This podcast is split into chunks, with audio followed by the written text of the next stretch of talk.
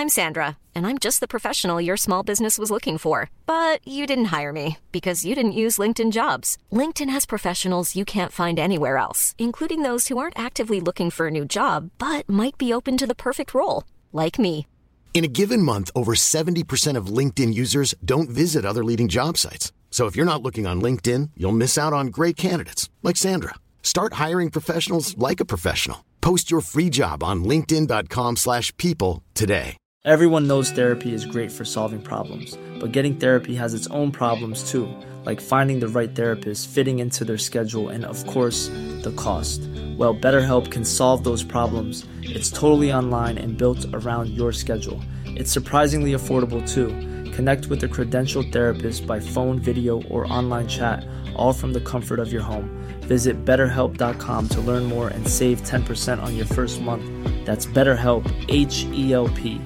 Burrow is a furniture company known for timeless design and thoughtful construction and free shipping, and that extends to their outdoor collection.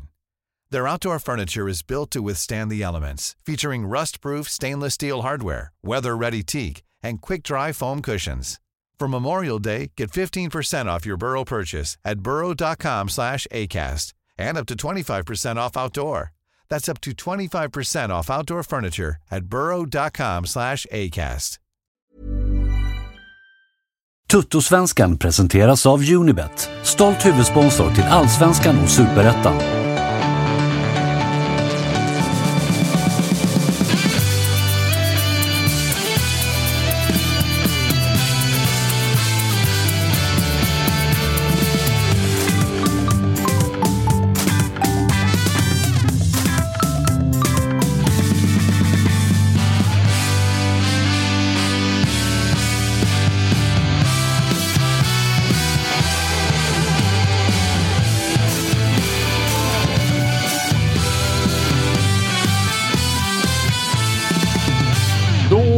Var måndag och Toto-svenskan är tillbaka. Detta är veckan då allsvenskan drar igång igen, så jag gissar att Kalle är taggad. Det är klart att jag är taggad, Svanen. Va? Bra det. Jag är supertaggad. Vi ska väl Härligt. eh, bara inleda med att göra det vi har gjort de senaste avsnitten, nämligen berätta att det är förinspelat detta. Ja, så att inte folk tror att vi är live. Det kanske har hänt grejer på, vad vet jag, Sillyfronten och det har Mm. lottats Europakval och grejer. Det kommer vi inte att prata om jättemycket i det här avsnittet då. Ja, och framförallt så byter ju vi kläder, både du och jag, liksom, ofta och så. Så att inte Alltså, folk, folk tror att vi har inte- nej, samma kläder nej, det på oss hela också- veckorna. Det Sådär. är också en, en rimlig brasklapp. Josip Ladan har ju varit smart. Han var ju med i det förra avsnittet som vi alltså spelade in tidigare idag. Men eh, han hade ju med sig ombyte. Smart Josip. Äh, med sig och med sig. Du vet, ni vet ju att det är 400 grader i den här jävla studion. Så, det väl Så då klädde du på dig. Då klädde jag på mig. Ja, ja, jag, tänkte, jag tänkte, nu har jag ändå bröstat utan, det regnar lite ute, lite. Då kan man dra på sig lite. ja, men det är bra. Hur, eh, hur mår du? Bra. Det Härligt. finns inget att klaga på. Gud vad fint. Är du taggad på dagens avsnitt? Nu, nu vi konstaterade ju senast att nu, har, nu lämnar vi mittens rike. Mm. Nu går vi upp och ska prata topplagen. Då pirrar det till. Ja, men ni, som sagt, ni kan passa på. Både Bayern och DIF och AIK och allt vad fan det är. Njut! Njut medan det varar. Ja, Sen får vi okej. se sen. Härligt. Du är ju i studion idag för att upprätthålla någon form av balans. Eh, det- Det är direkt nödvändigt. Ja, och så kvoteringen av dialekter som ändå någonstans måste in här. Det, jag bär den fanan med stolthet. Bra. Sen finns det ju också en jävla poäng i att ha med dig med tanke på att du är eh, murvel, du jobbar i staden och sådär. Så att du har ju lite känselspröt och lite tankar och idéer och sånt som, som kan vara nyttigt att ha i det här avsnittet också. Men allra mest ska vi prata om Bayern och vi ska prata om Djurgården, så vi har tagit tillbaka Walter Bergman. Hur är läget med dig? Jo, det är bra. Det är bra. Skönt eh, med ett uppehåll, men nu börjar man bli sugen på Allsvenskan igen. Vi eh, konstaterade det innan inspelningen att eh, under tiden vi har spelat in de här specialavsnitten så har man ju märkt vilka lag som avslutade starkt. För du var inne på att du har kopplat bort fotbollen lite grann under uppehållet, zonat ut lite, för Bayern avslutade ju tungt. Ja, jo, det får man ju säga. Det, det handlar inte bara om Allsvenskan, även om liksom, torsken mot Värnamo var, var riktigt tung så, så hade man ju bara några dagar innan förlorat cupfinalen mot Malmö. Så det, det var ju en pissvecka där på slutet. Så att jag, jag tror att eh, de flesta Bayern håller med mig att det var, kom lägligt med ett uppehåll och det var skönt att, att släppa det här ett tag. Men nu är det alldeles strax eh, dags igen, så jag gissar att liksom, tempen börjar höjas, blodet börjar koka lite mer. Ja, jo men så är det ju och eh, nu när vi spelar in så har ju Hammarby träningsmatch mot eh, Brage. Så vi vet inte ännu hur den slutar men, men det har ju dragit igång nu, träningen igen. Ja, exakt. Så att, absolut. Freddy Arnesson, hur är läget med dig? Man är på plats, Käkade lite buffusin idag också. Oj, oj, oj. Ja. Fint det. Så man kan få rösten i bra form här till avsnittet. Ja, det ställas och- mycket Djurgården? Ja, exakt. Och rösten din är ju omtyckt där ute i stugorna, så att det är bra att du, att du håller den liksom, eh, i bra skick. Ja, verkligen, verkligen. Så man har ju saknat det här också, att snacka fotboll. Man har ju en enorm abstinens efter allsvenskan. Man är trött att läsa liksom artiklar om Haaland och bråk med all, svenska mittbackar. Ja, ja, ja. Riktigt trött på att se Hjalmar Ekdal hålla på att göra bort sig där i landslagströjan. Ja, fan, han gjorde det fint. Nej, jag skojar bara. Fan, ska man, man, han gjorde det fint. Jag skojar bara. Eh, hörru, det, det är fint också att vi upprätthåller traditionen på något sätt. Alltså, det är ju inte måndag när vi spelar in, men det här avsnittet släpps på en måndag och det har ju blivit din dag här inne. Ja, vi lajvar ju måndag. Ja, exakt. Det finns väl inget bättre än att lajva måndagar. Hela, alla, veckor, alla veckodagar. Faktiskt. Eh, Där har du, en- där har du en, en jävla poäng. Där är vi starka Eh, tillsammans. Josip, vad säger du ifall, ifall vi inleder lite grann med, med Djurgårds eh, surr? Vi börjar i den änden. Vad, Mm. vad, ifall du utifrån får säga lite grann om Djurgårdens vår. För det var väl ändå... Alltså ska man, ska man någonstans slå ihop... Ska vi samla alla allsvenska experter ute i stugorna eh, och liksom slå ihop deras tips inför säsongen, så tror jag nog att de flesta hade Djurgården tvåa. Om Mm. man skulle dra någon sån här snitt. Ja, två, trea i alla fall. Det skulle jag säga. Sen, alltså jag måste säga, jag, jag pratade ju inför säsongen om och pratade om att över 30 omgångar skulle IFK Norrköping bli säsongens stora besvikelse. Men jag måste säga att hittills är jag minst lika besviken på, på Djurgården och vad de har presterat. Eh, det har varit, nu ligger man där man ligger eh, av eh, att man har spottat upp sig något. Men det lämnar ju fruktansvärt mycket att önska, alltså spelet i, i övrigt. Det är märkligt nog eh, samma, framförallt kuggar. Vi har pratat om det i andra avsnitt, alltså det centrala mittfältet. Man hade fått in Edvardsen och man hade en klassförstärkning eh, i form av Sead Haksabanovic, men man har överhuvudtaget inte fått det och, och klaffa på det sättet som många kanske hade förväntat sig, men som jag tror att Djurgården själva hade önskat att det hade varit. Eh, vi kommer komma in på det lite, lite vilka jag tror de är faktorerna där, men än så är jag... Nej, det är nästan, nästan icke godkänt, trots att man ligger där man ligger, rent spelmässigt. Vad svarar du på det Freddy? Nej, men eh, så här, det är väl klart man är jävligt besviken. Sen tycker jag väl kanske att jämförelsen med Norrköping är väl lite att ta i när Malmö tror jag ligger på samma poäng som Djurgården och kanske har en ännu större förväntansbild på sig. Men eh, jag tycker Josip är inne på, på rätt saker och mångt och mycket så är vi ju där, där vi är just nu på grund av vårt urusla bortaspel. En, ett mål har vi gjort på bortaplan i år och hade vi, hade vi liksom haft ett mycket bättre bortafacit så hade man haft en helt annan position. Ja, Det är ju självklart man har haft en annan position i tabellen nu, men eh, det är ju det som har pajat allting. Jag tycker vårt hemmafacit har varit näst intill fem av fem hittills. det är väl Helsingborg. Eh, Ja, två tvåan där och den sitter ju fortfarande och naggar, men ska man vinna ett SM-guld så torskar man inte borta mot Kalmar med 1-0. Man torskar inte borta mot Mjällby med 1-0. Så att där är det ju verkligen upp till bevis. Eh, sen tycker jag att det har sett bättre ut mot slutet än vad det kanske gjorde i början. Och nu har vi några lättare bortamatcher, så att nu har vi ganska bra läge att hämta igen vårt, vårt urusla bortafacit. Jag tror vi har eh, Värnamo borta. Det såg i och för sig Bayern hade lite svår, problem med. Mm. Malmö- Eh, Malmö, hade också problem där ja. Och sen har vi Sundsvall borta som första matchen här nu, 26 juni tror jag att det Just det. Seads sista. Exakt, så att där ska det ju in en trepoängare.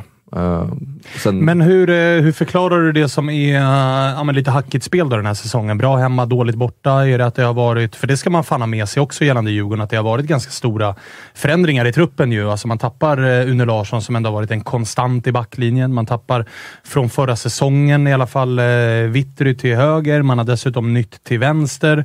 Man har nytt där uppe. Det är väl egentligen bara det centrala mittfältet som är eh, intakt ifrån i fjol. Även om det centrala mittfältet ju också hade ganska stora problem inledningsvis den här säsongen. De spelade ju upp sig de sista fyra, fem matcherna under våren, men hade ju stora problem i början av säsongen och gick inte alls att känna igen. Men, men hur lyder din liksom, analys av varför det har varit så pass hackigt?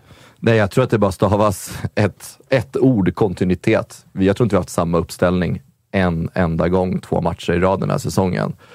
Och det har ju varit så här märkliga bes- beslut, att liksom man tar ner Radetinac på det centrala mittfältet. Det känns som att man har laborerat för mycket. Och sen så om vi kollar början på säsongen, som du också var inne på Stoffe, att eh, vår, eh, vår mittbackskonstellation funkade inte alls. Nej, och där Eh, hattades det också. ja. Man, det var Lövgren och det var Hien och... Och det, det, det skapar ju liksom en otrygghet till resten av laget. Det ska ändå någonstans vara liksom den säkra liksom, punkten i laget. Har vi en säker mittback, centrallinje där på backlinjen så, så kan man liksom börja fokusera på att göra mål framåt. Nu började det väldigt darrigt där, som du var inne på också, det centrala mittfältet. Så att, och sen så ska vi liksom kolla så att de som gjort målen. Det har vi liksom så här, ja, Asoro och har gjort fyra baljer. Som våra startspelare i anfallet har ju inte alls liksom levererat som man ska förvänta sig framåt. Vi har Haksabanovic på två baljer, Edvardsen på tre. Haris tror jag har gjort noll baljer. Sen har vi liksom Findell har gjort ett par baljer. Schüller har gjort en balja. Ekdal har gjort något mål. Hien har gjort något mål. Så det är inte heller liksom, de som ska göra målen har inte heller gjort målen. Så det vill man ju också se, att det ska liksom sitta framåt. Och vad eh, tror vi då om Sead? För att vi är ju, och det, det kanske är ett beslut som har kommit nu. Eh, I alla fall det här Fifa-beslutet, om de får fortsätta med samma upplägg som de gör nu. Det man ska ha med sig är att spelarna i sig torskar ju ganska stora pengar på att vara i Allsvenskan. De kom ju till Allsvenskan mycket på grund av att det var enda fönstret som var, som var öppet mer eller mindre. Tror du att det finns någon möjlighet att se att blir kvar resten av säsongen? Eller känns det som att Giffarna borta och sen är det tack och hej? Jag tror att eh, det är Giffarna borta i och med att så här, jag tänker lite kring den här Uefa-grejen, att så här, förlänger de den ett år, då blir det lite mer såhär, okay, nu vill jag lämna. Hade det varit ett halvår, de hade förlängt det där förbudet, eh, eller om det är ett förbud, om man ska, nu ska kalla det. Då hade man varit med såhär, men nu ska jag nog avsluta säsongen här. Men blir det ett år, då tror jag att såhär, horisonten är så pass lång att man kommer börja söka sig till andra utmaningar. Ett halvår till hade varit perfekt om man nu hade fått prata kring de ordalagen kring den här situationen. Då tror jag det funnits ett intresse för de här Rysslandsproffsen att, ja men fan jag ska nog avsluta det jag påbörjar och sen lämnar man till vintern. Nu blir det mer att säga, okej, det blir ett år till som det surras om nu. Då tror jag det kommer finnas incitament för dem att så här, jag lämnar nu i sommar istället. Det finns en större känsla kring det. Det tror jag, när det gäller den här nya grejen då, som kommer med Ryssland. Vad tror du Josip? Eh, jag är lite inne på, på samma spår. Framförallt Sead som, som jag tror har varit väldigt öppen med Djurgården och jag tror att Djurgården varit öppna med honom. Att de räknar med honom under en viss tid och att man sen, sen ska gå vidare. Jag tror om man ska jämföra med andra i liknande sits så tror jag väl att det är större, större chans att eh, Filip Dagerstål till exempel stannar i Norrköping i alla fall säsongen ut. Eh, oklart hur hans, jag kan inte hans avtal i huvudet. Eller att Jordan givet då vad, vilka alternativ som kommer utifrån, om det har pratats om Spanien tidigare eller Tyskland eller whatever, att han nu med då kombination av eh, Gudetti också kanske kan tänka sig att, att stanna även han. Eh, men där tror jag att, att Sead är nog den som närmst till hans att, att lämna. Och vilket för mig in på nästa grej, till en, liksom en anledning till varför det inte har klaffat för Djurgården riktigt. Det tror jag att man har gjort sig själva en ganska stor otjänst att både sätta så mycket press på Sead Haksabanovic som han har gjort, alltså att han ska vara så avgörande i det offensiva spelet. Men även att bygga spelet rent organisatoriskt kring honom och ge honom den rollen han har haft. Trots att man vet att han kommer vara där en begränsad tid. Att det blir att han ska, att hans kreativitet ska styra, att han ska komma in på de här ytorna i boxen, han ska servera den och han ska, de ska fylla på från mitten och Edvardsen kommer liksom inte till sin rätt riktigt och sen blir han eh, irriterad på att han inte får liksom, det utrymme som han är tänkt att få och så vidare och så blir det liksom en negativ spiral neråt. Nu har man räddat det ganska bra, men jag tror att både Sead själv eh, Djurgården och lagkamraterna förväntade sig betydligt mycket, mycket mer av honom och av varandra än vad som har eh, presterat på planen. Det är min fasta övertygelse. Ja, och det tror jag också handlar om att, eller så här, jag jag är också inne på det spåret som du är inne på, att så här, han har ju de individuella kvaliteterna och de sticker ut. Men det är just som lagspelare det kanske inte har klaffat. Och där hade man ju sett framför sig spelet tillsammans med Edvardsen till exempel skulle sitta mycket mer finare än vad det har gjort. Att de skulle ha hittat varandra mycket mer. Och man ser ändå att de jobbar med varandra ganska mycket på planen. De är framme och snackar mycket med varandra. Och bara, men fan du, testa så här, gör så här, sätt den fram, bakom backlinjen och så där. Men det har inte suttit. Och det blir också lite så här att man sätter kanske en orimlig förväntansbild på de här utlandsproffsen. Att man tänker att så här, jävlar nu kommer de här stora stjärnorna. De kan göra vad de vill i allsvenskan. Men det funkar inte riktigt så i någon liga tror jag riktigt att här, det kan komma in en person som kan göra en sån stor ensam förändring utan att liksom hitta det här äh, lagkänslan. För det, tror jag, det, det tycker jag saknas mycket i liksom Sead-fallet om man kanske jämför med, med Jordan. tycker jag har spelats in mycket bättre i liksom AIKs sätt att spela fotboll och AIKs syn att spela fotboll på. Sead har mer så okej men gör din grej på din kant du är så jävla bra, så gör bara det så kommer det flyga. Men jag har inte riktigt gjort det. Nej, och då blir det ju då, innan, innan vi går vidare, alltså bara snabbt, då blir det ju också att när den synken med Edvardsen, även om det finns goda intentioner och liksom en tydlig bild av att det finns, alltså så här, det här vill vi bygga kring. Och när det inte klaffar, då måste du ha en backup i form av att du ska förses med bollar från mittfältet. Och där har det inte heller funkat i synken mellan mellan Mange och Sead eller mellan Schüller och, och Findell och Sead eller med Edvardsen eller någonting. Så att det har alltid varit någonting, alltså att inga saker har funkat som de ska samtidigt. Utan det har alltid varit lite, lite, lite för dagen hur man, hur man Har det ser. inte varit det ena har det varit det andra. Lite så. Lite så. Får jag fråga, eh, nu, nu om vi säger att vi är med facit i hand nu att uh, GIF Sundsvall är sista matchen. Har det då varit en björntjänst att ta in Sead under våren här? Med tanke på det, ni just har pratat om. 100 procent. För annars hade vi stått där med eh, en Gustav Wikheim till exempel, som inte alls har kommit in i Djurgården.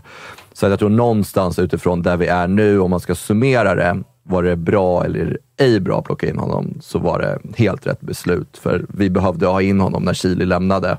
Eh, och det tycker jag också har synts på dem som har fått chansen när kanske Sead har blivit utbytt i 60 minuten, i 70 minuten och kommit in och ska ta över hans position, så har de inte alls gjort det lika bra. Så på så sätt så har det varit en, en välbehövlig värvning för Djurgården under den här perioden. Någonstans kanske man landar i att så här, det blev inte så bra som man hade tänkt sig, men det hade ändå varit bättre än att inte göra det. Mm. Och sen, han har ju varit så här, jag, jag rankar honom som topp tre bäst Djurgården den här våren. Det kanske säger mer om de andra, men det han har gjort på planen har varit extremt välbehövligt för Djurgården. Sen så som jag var inne på också, det är den här liksom, känslan med sina lagkamrater har saknats lite. Och sen tror jag också mångt och mycket att vi har haft problem på vår vänsterback också. Att han hade kanske behövt en Pierre som var mycket högre upp i planen, som kunde vägga tillsammans med honom, som kunde göra lite saker på den kanten. Nu har han blivit väldigt ensam på den kanten, Mm. just för att medspelarna tänker att ja, men, Sead löser det, vi spelar ut bollen till Sead, han fixar det där. Kanske behövt mer understöd från Pierre på vänsterkanten, som har försvunnit lite under, under den här säsongen i Djurgården. Känslan är att du hade en tanke kring din fråga, Walter. Ja, nej men det, det, det var ju den frågan inför säsongen var ju liksom, för Bayern var ju var hög på honom vad man förstått och, och jag hade gärna sett honom i Bayern, han känns som han hade passat bra in hos oss. Men, men samtidigt var ju farhågan liksom, vad händer när han lämnar? Då kanske det hade varit, känts jobbigare om han hade öst in poäng nu, vad fan händer när han lämnar? Men, men det, man har ju också naturligtvis, eftersom han har tagit upp den positionen, har man ju inte haft chans att spela in någon annan heller. Så att, eh, jag vet inte. Det är väldigt svårt att summera det där, hur, om det är en positivt med de här korttidslånen. Jag, jag är ju tveksam, men, men som sagt, öser man in poäng och bidrar så då är det bra. Liksom. Men eh, ja, det- är svårt att säga vad Viking hade varit idag om, om Sead inte hade spelat. Ja, exakt. Och sen är det väl så att det lilla man har sett av honom, så blir det någonstans det, det man har sett, så blir det facit i hand att det var rätt att plocka in Sead. Sen tycker jag att nu kanske mot Sundsvall, att eh, Wikheim eller Azor eller någon ska få starta eh, istället för Sead. Just för att bara liksom Ja, men ge chansen. Sen, ja, det är väl också svårt, det är klart att jag vill att Sead ska spela. Eh, det, man, är- Maxa man, tiden han är här, Ja, liksom. men man, är också så här, man vet ju också att han kommer spela sin sista match då.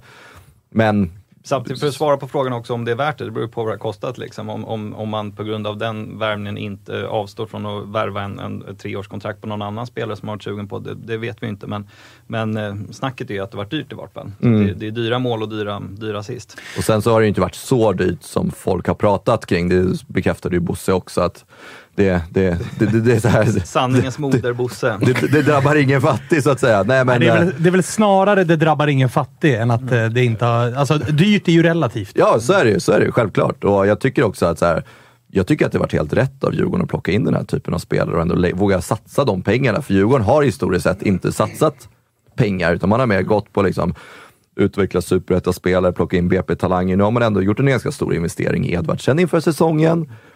En större investering i Haksabanovic. Jag gillar ändå att så här, Djurgården Ja, vågar Bengtsson- göra de här Pierre typerna. Bengtsson är Pierre det är en Bengtsson. hög lön som ska in. Sen är det också så här, man får ju ta lite... Jag kan förstå vart du vill komma Walter, att så här, korttidslån som, eh, liksom, som grej kan jag också tycka egentligen är så här, det är ingen bra grej. Men man får, det blir nästan också från fall till fall. Alltså jämför man AIKs eh, korttidslån med Jordan så blev det ju ganska tydligt att så här, fönstret stängde, det löstes inte med JG. Okej, då tar vi Jordan tills JG kommer. Mm, Bra så. Det är ingen som står i vägen för någon. Hade Djurgården haft en 19-årig talang som vänsterytter och så plockar man in Sead som står i vägen för honom i ett halvår. Då hade jag också varit så här, fan den, den kanske var onödig hur mycket poäng hade det varit i skillnad kontra vad den här talangen hade tjänat i speltid. Nu tror jag att Djurgården gjorde avvägningen som vi har varit inne på tidigare, att Wikheim är inte där fysiskt. Han behöver ett halvår för att komma in i tempo, komma in i formen. Okej, det finns en möjlighet att plocka Sead. Då gör vi det. Det får kosta en liten slant, eh, med betoning på liten då, med tanke på Djurgårdens plånbok. Eh, stor med tanke på den korta tiden han är i klubben, vilket vi nog alla är överens om.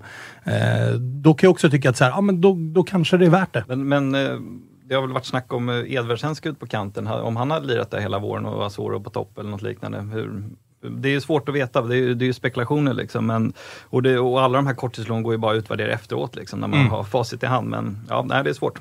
Ja, och det är så, lite som du är inne på också, den här kontinuiteten. Liksom. Ah, Soros ska han starta till höger, ska han starta som striker, ska Edvardsen starta till vänster, ska han starta som striker, ska Haris petas till förmån för Asoro där ute och sen ska man plocka Edvardsen till vänster och Holmberg på topp. Liksom. Det känns som att vi har så ofantligt många liksom, idéer av vad som kan funka i Djurgården. Och, så här, om man sett utfallet när Asoro har startat som striker, det har inte funkat lika bra som när han kommer in på högerkanten. Så på så sätt så har liksom den här formationen vi har haft de, de letar fortfarande lite, Kim och. Absolut, verkligen. Och det är det, liksom, det var lite som jag var inne på också i början. Liksom, att det vi har haft problem med, det är liksom våran, vår offensiv. Mm. Alltså, det har inte satt sig. Och det har ju typ inte satt sig sen Buya Turay lämnade Djurgården när vi vann SM-guld. Sen dess har vi någonstans liksom så famlat efter någon typ av konstellation uppe på toppen. Vi hade Holmberg säsongen efter som, ja, han gjorde lite mål. Men inte- Kujovic kom, men Kujovic ingen växlade inte upp och känns som att man fortfarande famlar för liksom den perfekta offensiva konstellationen sen Boja lämnade Djurgården. Och det frågetecknet är ju verkligen fortfarande intakt. Ja, ja, verkligen, verkligen. Och så här, ja, men nu ska Holmberg lämna, då har vi bara Edvardsen på topp och eventuellt Asoro. Så att, det ska bli intressant framåt. Det ska det bli. Eh, vi ska hålla oss i den här mallen också, Freddy. Eh, som vi ska gå igenom lite rubriker. Vårens bästa spelare i Djurgården. Alltså det är ju... En lång eh, tystnad. Ja, nej men det är ju det är Hampus Findell. Ja. Ja, 100 procent. Han har ju varit outstanding. Jag tycker han är den enda som har hållit bra och hög nivå sen omgång ett. Framförallt när vårt centrala mittfält var som mest skakigast, där man liksom plockade ut Mange Eriksson i minut 60, typ tre matcher i rad. Rasmus var lite halvskadad och var lite borta. Så är det ändå Hampus som har varit liksom tryggheten på den också viktiga positionen som man ändå besitter i Djurgården. Uh, sen har ni också fått kalibrera sitt sikte, så han har stängt in några kassar också, vilket Han brände helt en del i början. Ja, så nu har han liksom kalibrerat in 20-30 centimeter, så nu börjar bollarna sitta också. så det tycker jag eh, absolut. Rätt kul för en sån spelare, även ifall jag inte jublar varje gång Hampus Findell gör mål. Det ska ju gudarna såklart veta. Men jag tycker att det är mäktigt när spelare bevisar att de har pannbenet att komma tillbaka. För det kändes ju lite grann som en förlorad talang. Alltså med de här lånen och så mitt under den här vevan så plockar väl Djurgården också Elias Andersson, vilket gjorde det för mig ganska tydligt av att så här, man har gett upp hoppet lite om Findell. Att så här, okej, det här kommer inte bli någonting. Han kommer alltid att vara fjärde gubbe och sitta på bänken, eller femte gubbe till och med. Och så kommer Banda upp och, och Schüller plockas in och hela den här grejen. Under hela den här tiden har Findell funnits där. Mm. Men där bevisar det sig att eh, lite tålamod och, och lite hårt jobb så kan det gå vägen till slut ändå. Ja, han får inte glömma bort, han var liksom utlånad till Dalkurd i Superettan. Ja, och gjorde ingen supersession Nej, där. verkligen inte. Och sen så kom tillbaka till Djurgården och bara plockade en ordinarie tröja nästan över en natt. Och det var ju lite sån kille man nästan hade gett upp hoppet kring. Han har varit i Djurgården i tre säsonger tror jag, kom från Groningen. Eh, hade lite, jag tror att det var lite problem kring liksom hans attityd, kanske lite hans förväntansbild, kommer från Holland, ska komma tillbaka till allsvenskan, känner att så här, men fan, jag har ju värvat en ung talang här, varför släpper ni inte fram mig? Men då handlar det lite mer om att bevisa sig själv och jag tror att där äh, kanske det fanns lite hjärnspöken som satte satte krokben för honom helt enkelt. Och sen så liksom komma till Dalkurd och sen tror jag han kom tillbaka till Djurgården och kände att det här är nog min sista chans i Djurgården. Nu gäller det för mig att bevisa mig och kanske släppa på vissa saker som som jag har hållit på innan. Att bara, jag ska bli prestigelös, ska lyssna på tränaren och verkligen så här, jobba in den här startplatsen. Och så som han har gjort det så tycker jag han har gjort det fenomenalt. Sen vill jag bara flika in också att så här, utifrån förväntansbild när säsongen började så tycker jag också Isak Hien är värd att nämna. Men det är lite mer utifrån aspekten att Han, han... kanske ska in i nästa kategori då, vårens överraskning. Ja, fan. Fin övergång där. Ja, där fick du den. Ja, nej, men det är absolut Isak Hien. Man, så här, visst, man hörde jättefina vitsord från honom, eller kring honom, från hans eh, vår i Vasalund. Jag tror Jonas Tern var där och tokhyllade honom för den spelare han var när de mötte honom med Värnamo. Eh, men sen är det såklart ett stort steg att liksom gå från superettan till allsvenskan. Och det var lite skakigt i början, första en, två matcherna, men nu tycker jag han har visat att det är han som har förtjänat den platsen bredvid Hjalmar. Jag tycker också att Hjalmar har blivit en tryggare spelare tillsammans med Isak Hien, vilket är intressant för att Hien är ju så pass orutinerad, men det har pratats mycket kring hans ledaregenskaper och den personen han är i Djurgårdens omklädningsrum. Att han är väldigt trygg och men även har liksom så här, men gillar att styra spelet på planen och sånt. Och det tycker jag syns också i samspelet med Hjalmar om man jämför med hur det var med Lövgren när säsongen började. Murven i rummet då, Josip. Eh, mm. Isak Hien, Hampus Findell, två spelare som väl, eh, framförallt Hien pratas det ju en del om. Vi hade ju med oss Bosse när han käkade glass här och sa att mm. det här Prag-ryktet, det blir det ingenting av. Sen har rubrikerna börjat komma ännu mer. Ja, det, det lär ju onekligen hända grejer och det är väl hända grejer kring, eh, kring Hien. Eh, det som, som Hiens kanske största fördel är, jämför, alltså så här, om vi säger prata förväntningar och sådär, det är att han verkar så uppenbart obrydd om liksom, saker som sägs och skrivs och sådär. Sen att han i samma match, fortfarande, men det är ju barnsjukdomar såklart, han kan ha en mot, alltså mottagning som är träben, att den kan studsa upp på smalbenet och träffa rad 8 på sektion 134 i en sekvens för att i nästa mangla någon totalt och bara liksom vara på rätt plats vid rätt tillfälle det tyder ju på att det finns en enorm liksom, grundkapacitet där. Så jag, liksom det som har imponerat mest är att han har gjort de sakerna han är bra på och gjort dem ännu bättre. Men sakta men säkert också parallellt med det försöker slipa bort de här liksom, grejerna där han inte är lika vass. Till exempel mottagningsspel eller bollhantering när den kommer lite oväntat, alltså så här, koordination och sådana saker. Men fysiska styrkan och de här, den här grundtryggheten, den, den finns där onekligen. Så det, det har gjort, det, och sen då med att han tajmar det med att Hjalmar Ekdal bara blir bättre och bättre och lugnare och mer liksom bekväm i, i, sig själv och i sin egen roll då och sen resulterar i en, en landslagsdebut här med eh, Kurtulus här där jag tyckte att då båda de två var helt, eh, alltså utifrån förutsättningarna otroliga. Så att, ja, det, finns, det finns mycket att hämta där. Sen om det är 10, 15 eller 20 miljoner, det kan bara Bosse svara på. Men eh, det kommer nog, kan nog hända en del där. Jag, jag tycker inte han är redo för att gå utlandet än, men jag fattar att de är där och pillar. Med 25 så släpper vi han. Det, det har ni här nu. Härligt. Eh, vårens besvikelse? Ja... Förutom bortaspelet. Ja, men eh, så här då. Utifrån förväntningarna jag hade på den här personen och dennes start i Djurgården så måste jag ändå säga Pierre Bengtsson. Tycker han, eh, han började otroligt fint i Djurgården och visade verkligen att ja, men så här, det är en landslagsspelare som kommer till Djurgården, dock på väg ut ur landslaget, men är fortfarande en kvalitetsspelare. Och sen så när allsvenskan drog igång så har han varit helt borta nästan. Och det, jag vet inte, jag tror jag satt här i en av de första avsnitten och sa att det var en av Djurgårdens fem viktigaste värvningarna de senaste tio åren. Den får man väl en liten plump i protokollet på, men eh, jag tycker att det man såg i början av honom så var det verkligen en, en, en klassspelare. Uh, nu är han Ja, han var till och med nästan typ petad sista matchen mm. eh, Inte mot Varberg. känslan, han hamnar i samma kategori värvning som när Erik Berg kom till Stockholm för kärleken och nu gör Per Bengtsson det Djurgården för kärleken. Och, du menar att det kommer något byggprogram snart med Per Bengtsson? jag vet inte, men, men det känns ju som i vart fall som samma kategori värvning. Båda vänder hem från, båda kom väl dessutom från Köpenhamn? Eller? Mm. Ja, det, ja, eh, för, för att de har träffat kärleken i Stockholm och ska etablera sig här. Och jag vet inte, det är ju bara en ren spekulation, men känslan är ju då att eh, man kanske eh, fokus ligger på något annat än, än på fotbollen för att man på något vis vänder hem för att pensionera sig, gifta sig, skaffa barn eh, här i stan. Och då är, eh, är Djurgården ett attraktivt alternativ för att kombinera familjelivet med, eh, med fotbollen. Men eh, jag har ingen aning, men, men det, är ju, det är i vart fall tycks det ju som att historien upprepas här. Ja, sen skillnaden med Erik Berg och Pierre Bengtsson var att mm. Erik Berg var ju ruggigt bra när han mm. väl fick spela, eller när han, när han kunde spela snarare. Jag minns ju derbyt mot Bayern. Ja, mm. det var ju inte dålig direkt. Men eh, nej, men så att så här, jag jag vet inte. Jag, jag, vet faktiskt inte vad det är med Pierre Bengtsson, för att uppenbarligen så finns ju klassen där och han har visat den. Eh, sen har det varit som bortblåst i senaste tio omgångarna, vilket jag tycker är supertråkigt, för det är också den positionen vi har haft störst problem med senaste åren. Eh, check, all heder till honom och allt han har gjort för Djurgården. Men ska vi vara ett lag som vinner SM-guld så kanske det inte är med check på vänsterbacken just precis nu.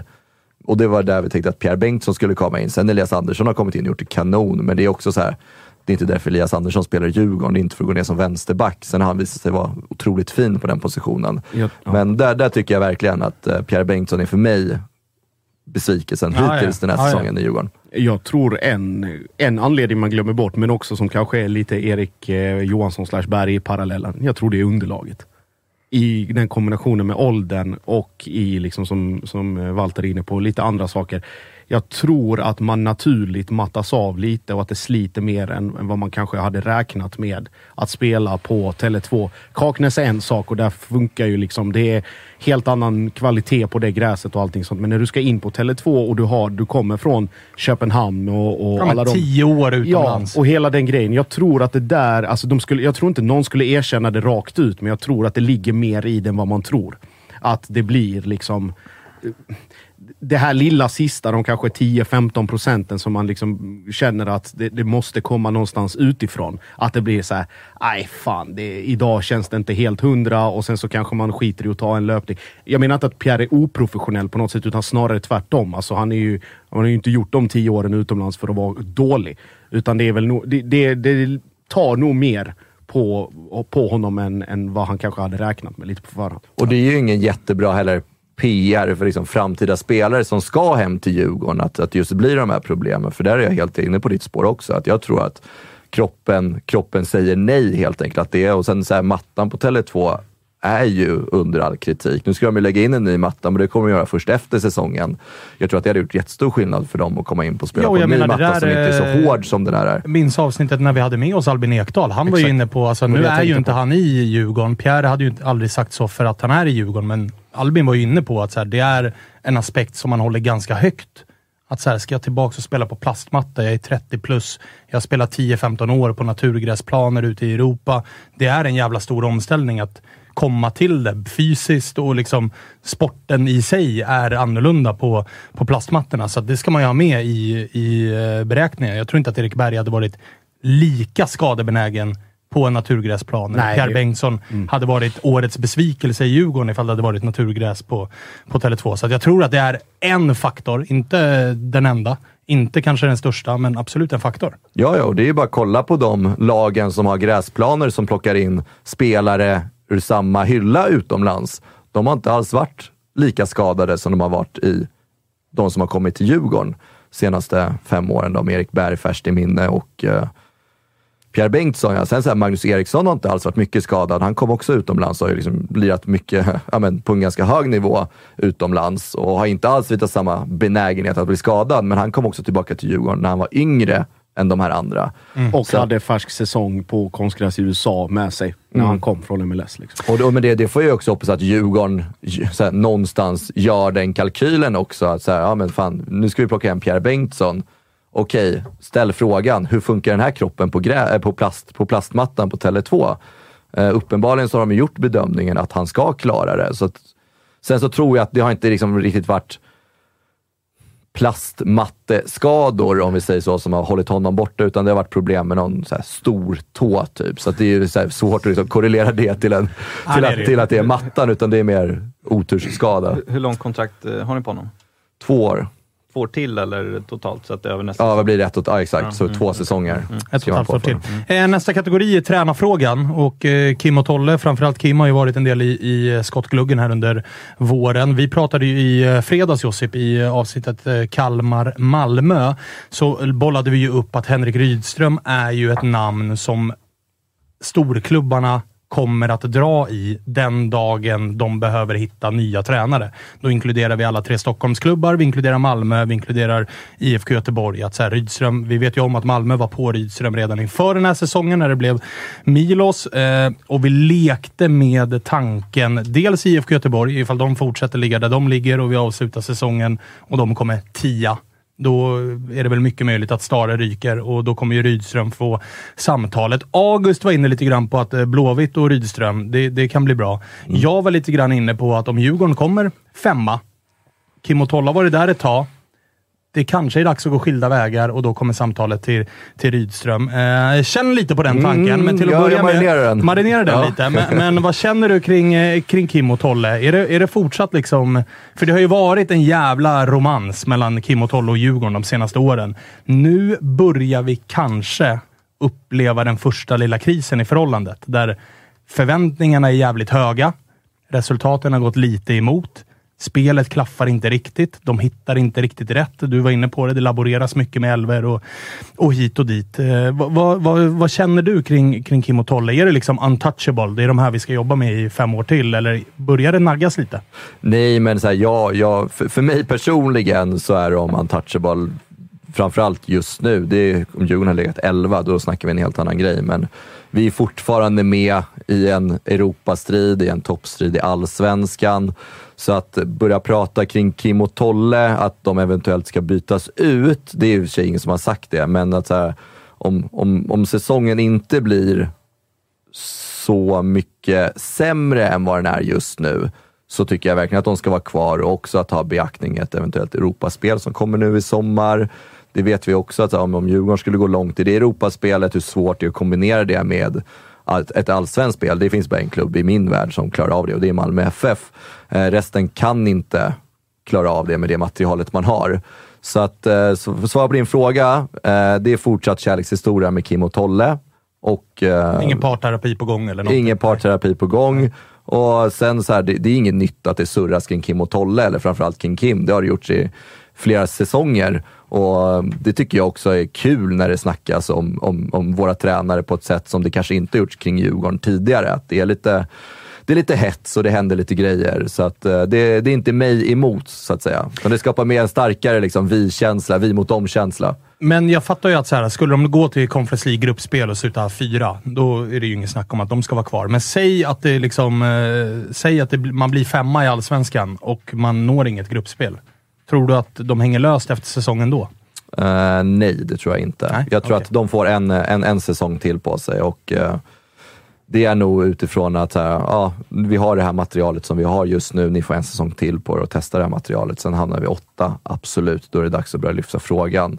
Eh, men ja, nej, men så här, det, det handlar väl också mycket om så här, hur, hur, hur vi spelar nu i höst. Fortsätter vi torska på bortaplan, då börjar man ändå misstänka att det är en lite av en tränarfråga. För att spelarna är ändå på planen och spelar jättebra hemma, så att jag vet inte. Ja, men så här, vi, vi tar det efter säsongen. Men en femte plats och ett missat eh, Europa Conference League-gruppspel så är de absolut mina tränare 2023-säsongen också. Ah, Okej, bra.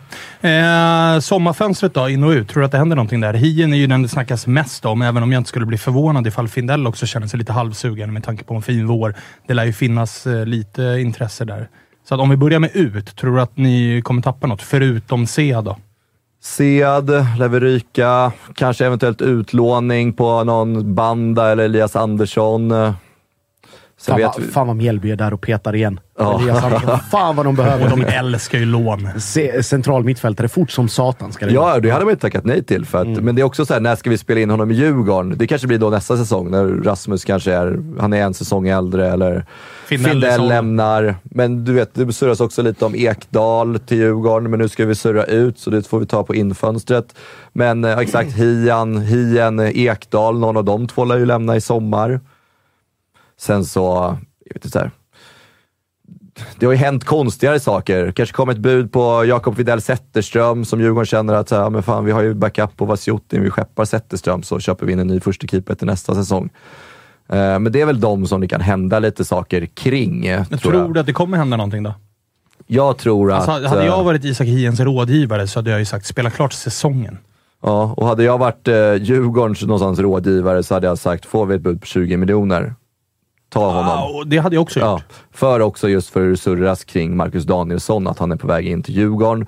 Du har gjort det ett tag nu, så att man får hoppas att det sker den här sommaren. Men kommer Marcus Danielsson, så kommer det bli Marcus Danielsson och eh, Hjalmar Ekdal. Hade jag varit Hiens rådgivare och Marcus Danielsson kommer, då hade jag sagt dra nu. Nu, nu, nu packar vi väskorna Ja, och nu- drar. nu åker vi. Ja, så att jag tror att det finns en plan där. eh, hur den planen urartar sig, det får vi se. Men eh, Jag tror, plockar vi in Ek, eller Danielsson så kommer Hien att lämna, men det är väl typ den positionen som vi har. Eller det är den spelaren som någon rycker i och kan dyka upp något bud på Findell också. Då kanske inte lika aktuellt att låna ut Elias Andersson till, Å andra eh, sidan, till Mjällby så, längre. eh, ifall vi går till infönstret så kanske om Findell drar så kommer Albin Ekdal. Exakt, och där har det surrats det mycket om att han har skrivit på ett nytt kontrakt med eh, Sampdoria. Eh, och det, är, väl så här, det är väl skittråkigt att Albin Ekdal inte skulle komma till Djurgården. Dels för att man vill se honom spela tillsammans med sin brorsa, men också det har snackats så länge om att så här, men Ekdal kommer komma till Djurgården. Det vore kul att kunna ha honom i Djurgården innan han kanske blir för gammal för att vara med och påverka ordentligt och kunna vara med på, i spelet på ett annat sätt än att bara vara liksom en playmaker i mitten. Eh, men också så här, det är inte en position vi behöver fylla på, så det blir ett lyxproblem så, så, på så sätt om han kommer. Är eh, Albin Ekdal Djurgårdens Guidetti? Alltså en spelare som aldrig har varit i klubben, men där alla supportrar ändå har varit så här. Du kommer att komma hem, du kommer spela i vår tröja, men nu verkar det ju dock inte bli av. Men du förstår vad jag menar? Mm. Att så här, ni, ni Djurgårdare har ju länge pratat om den dagen Albin kommer hem. Frågan är, om han förlänger nu med Sampdoria, frågan är om den dörren stängs då? Det börjar man ju få lite samma känslor som för Supermush. Att så här, hur, hur mycket ska vi romantisera kring det mer än så här, visst det hade varit jättekul att få honom, men hur mycket sportslig förändring kommer man in med? Sen det är så här, ja men absolut, plocka in en Ekdal nästa sommar. Han skulle vara med och påverka. Då fyller han 34. Exakt, och då har man en halv säsong, en säsong kanske, en, en halv säsong. Och då kanske det blir att man måste offra någon ung spelare som ska komma in på den positionen. Så det blir det är en jättesvår balansgång, men jag tror så här rent, om man får liksom drömma så är det liksom perfektion om man skulle komma in det här fönstret nu i sommar. Sen så har vi hört surret från Italien att det är nära med Sampdoria, så att jag tror att det får stanna vid en, eh, en dröm faktiskt. Men, men enda anledningen för att han skulle komma till Djurgården, det är väl för att lira med brorsan. Om, om Ek, Hjalmar då inte är kvar nästa år, vad har Albin att bevisa i Djurgården? Just som du är inne på, de har aldrig spelat en minut där. Det är ju med att han är djurgårdare. Ja, Så att det är så här, så här, så Och att, han har ju att, själv att, uttryckt, eh, likt John Guidetti, uttryckt en önskan om att en dag spela i AIK. Har ju Albin varit väldigt tydlig med Mm. att jag vill spela i Djurgården innan jag lägger skorna på hyllan. Exakt, och sen så, så förstår jag. Jag hade också kritat på ett år till med Sampdoria om jag hade varit tillräckligt duktig istället för att vända hem. Det handlar ju också om vart man är liksom kvalitetsmässigt. Så att för honom så har jag full förståelse och respekt om han vill krita på ett år till med Sampdoria och lira i Serie A. För jag vet inte, vem hade inte gjort det? Nej. Eh, Så att, han blir eh, ingen Judas om man gör det. nej, det blir han inte. Däremot om man hade kritat på FCK, då, då tror Ja, jag då fan är det- då är att det man hade blivit... Då, men då hade man ju blivit besviken. Ja, men då blir det också så här, vad, vad vill du uppnå med det här? Jag förstår om man kritar på ett liksom, Ligue Ö eller liksom Premier League eller La Liga, men liksom, vad kan liksom, danska ligan ge honom som inte allsvenskan kan ge honom? Ja, förutom. Bille, förutom Bille, bärs och gräs. Liksom. Gräsmattor. Ja, det är ju gräset. Ja, exakt. Så, nej men det är väl klart att, eh, och sen så Danielsson in och sen så, jag hade absolut inte tackat nej till en uh, fin liten Sam Larsson på våran vänsterkant nu när Haksabanovic lämnar. Och det vet man ju inte vad som kan hända om Danielsson kommer till Djurgården. De har ändå hängt en del i hotellrummen i Kina i två år, så de har nog byggt upp en fin vänskap. Sen är det klart att hans första och andra och tredje val är ju IFK Göteborg, men där IFK Konstigare saker har skett. Ja, exakt. Och där IFK Göteborg är nu. Jag Kanske finns lite andra attraktionskrafter någon annannanstans. jag ser mest fram emot när Jocke får höra det här.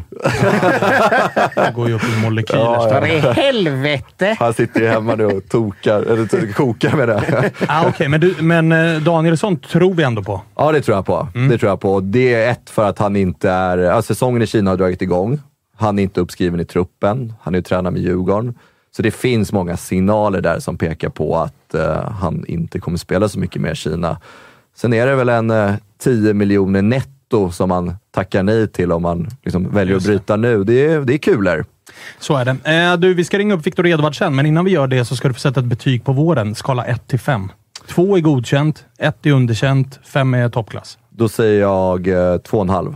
2,5. 1 av 5 på bortaplan, 4 av 5 på hemmaplan. Ah, okej. Det blir väl någonstans mittemellan där, 2,5. Knappt över godkänt Ja. alltså. Knappt över godkänt. Eh, backar du det betyget? Ja, 100 procent. Jag, så- jag inledde med att såga DIF, så att allt över två... Du hade gett 1,5 Ah, ju. ja, ja, ja, ja. För jag vill höra Malmös betyg sen.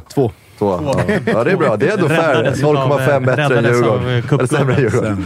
Ja. Räddades, annars hade det varit en etta, sa han. Ifall de inte hade vunnit cupen. Ja, han är hård idag, Josip. Ja, men han är, brukar vara ödmjuk. Jag Han valde våldet idag. Det gillar I, vi. idag igen. Mer, mer våld i studion. Ja, fy fan. Där har vi honom, Viktor Edvardsen. Har du handlat klart nu? Tjena. Vad sa du? Har du handlat klart nu? Ja, nu är jag klar. Härligt. Vad, vad blev det? Var det till kvällsmiddagen eller vad? Ja, lite till lunch här nu och ja, sen eh, under veckan här. Så det är veckohandling. Härligt det. Hur är läget med dig? Jo, det är bra. Tillbaka i träning nu och till ett normalt liv så att det kan inte bli bättre. Hur var ledigheten?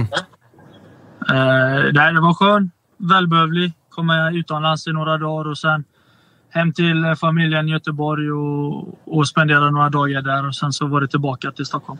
Fan vad fint. Du, vi sitter och summerar lite grann eh, Djurgårdens vårsäsong här. Vad, vad säger du eh, själv om eran vår? Vi har blandat och gett lite, tycker jag. Vi är inte helt nöjda, men vi är ändå med på något sätt. Och vi vet att Eh, spelar vi så som vi gjorde mot Malmö exempel och delvis mot Göteborg borta, Elfsborg, så, så förtjänar vi lite mer poäng. Och eh, nu är det, har vi 19 omgångar kvar så att eh, det brukar jämna ut sig i, i slutändan. Och för, eh, för egen del då? Det har ju varit ett, eh, en jävla fin resa du har gjort. Det har gått ganska snabbt för dig att gå från eh, division 1 och division 2-fotboll hela vägen upp till ett av de större lagen i, i, i allsvenskan. Nu har du gjort eh, ditt första halvår i, i Djurgården. Har det varit som du tänkte dig? Eh, ja, det har det ändå. Eh, sen så rent spelmässigt för min egna del så det är klart att jag... Det, man får inte glömma, det är mitt andra år i Allsvenskan och jag har mycket att lära. Och, eh, det har varit, eh, varit tuffa och intensiva veckor nu framförallt eh, med att man ska komma in i träning, eh, träningen rätt och i ett nytt spelsystem. Och, så det har varit en liten omställning. Sen så, så är jag en bra fotbollsspelare, det vet jag. Och jag vet vilka krav jag har på mig själv och, och utifrån. Så att, eh, med lite bättre skärpa så hade jag kunnat ligga på ja, sju mål kanske. Eh, så att eh, jag har mycket kvar att ge. Eh, tjena Viktor, det var Josef här också. Jag hade en fråga gällande, eller vi pratade innan om ditt samarbete med Sead och hur det funkade. Liksom där.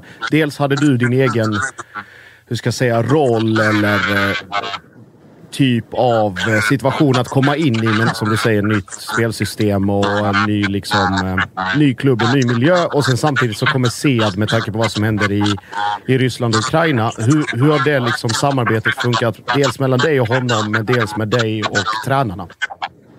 Eh, mellan mig och tränarna så har dialogen varit bra hela tiden. Eh, innan Sead kom så kanske dialogen var att eh, jag skulle kanske skifta lite mer eh, både till vänster och, och i mitten. Eh, sen kom Sead och alla vet vad han har gjort i Allsvenskan innan. Och det är eh, inte en spelare man bara flyttar på. Kommer han hit så, så ska han ju spela där. Och, eh, jag tycker våran relation eh, blev bättre och bättre. Eh, sen så, som du säger, det, han var inte här så lång, eller han kommer inte vara här så lång tid och eh, det är klart att det går inte, även fast han är proffs utomlands så, så är det en omställning för honom också att komma tillbaka och ett nytt spelsystem och sådär. Så att eh, det blir bättre och bättre. För egen del då, vart vill du helst vara? Vill du helst vara nian där eh, centralt eller vill du eh, kunna röra dig lite fritt ut till vänster också och utgå därifrån? Eh, nej, egentligen spelar det ingen roll. eh, Så länge mina styrkor eh, används på rätt sätt så, så spelar det ingen roll. Jag vet att jag kan eh, prestera bra på båda. Eh, jag spelade till höger någon match, gjorde det hyfsat bra där. Eh, så att jag kan egentligen spela på alla positioner och jag ser det bara som en fördel att jag kan det. Sen så, så tycker jag att man kanske ska utnyttja mina egenskaper lite mer än vad som, vad som har gjorts nu. Men jag ska inte klaga. Jag spelar varje och startar varje match. Så att, jag ska bara fortsätta så kommer allting rulla på bara. Härligt. Du, eh, en annan grej som vi har pratat om är- har varit att det har varit ganska stor skillnad på er hemma på Tele2 kontra bortaplan. Det har ju såklart eh, du eh, full koll på, men, men hur förklarar man en sån grej? Jag vet inte. Det, man försöker ju inte tänka på det. Men det är klart att typ när vi mötte Elfsborg borta och i alla fall andra halvlek mot, mot Blåvitt borta, då tycker vi att vi förtjänar mer. Eh, jag hade ju en i stolpen mot Elfsborg. Joel hade en nick i virket där. Eh, så att det är små marginaler och, och egentligen vill man inte lägga för mycket krut på, på det. Men det är klart att det, vi behöver, eh, ska vi vara med och slåss om det så måste vi börja ta tre poängare på bortaplan med. Så, vi har ju bortaföljet varenda match, bortamatch med oss så att vi kan inte gnälla på det heller. Tjena Viktor, det är Freddy här. Tjena, tjena. Tjena, tjena. Du var inne på en grej först, eh, ganska nyligen här, att du känner att dina egenskaper inte riktigt har nyttjats till fullo. Vad, vad är det du tänker på då och vad skulle man kunna göra för att nyttja dem ännu mer? Eh, det, är så, det vet jag inte. Jag är inte tränare, men jag önskar ju att eh, ibland så kanske jag tycker att jag blir lite för isolerad eh, och inte få...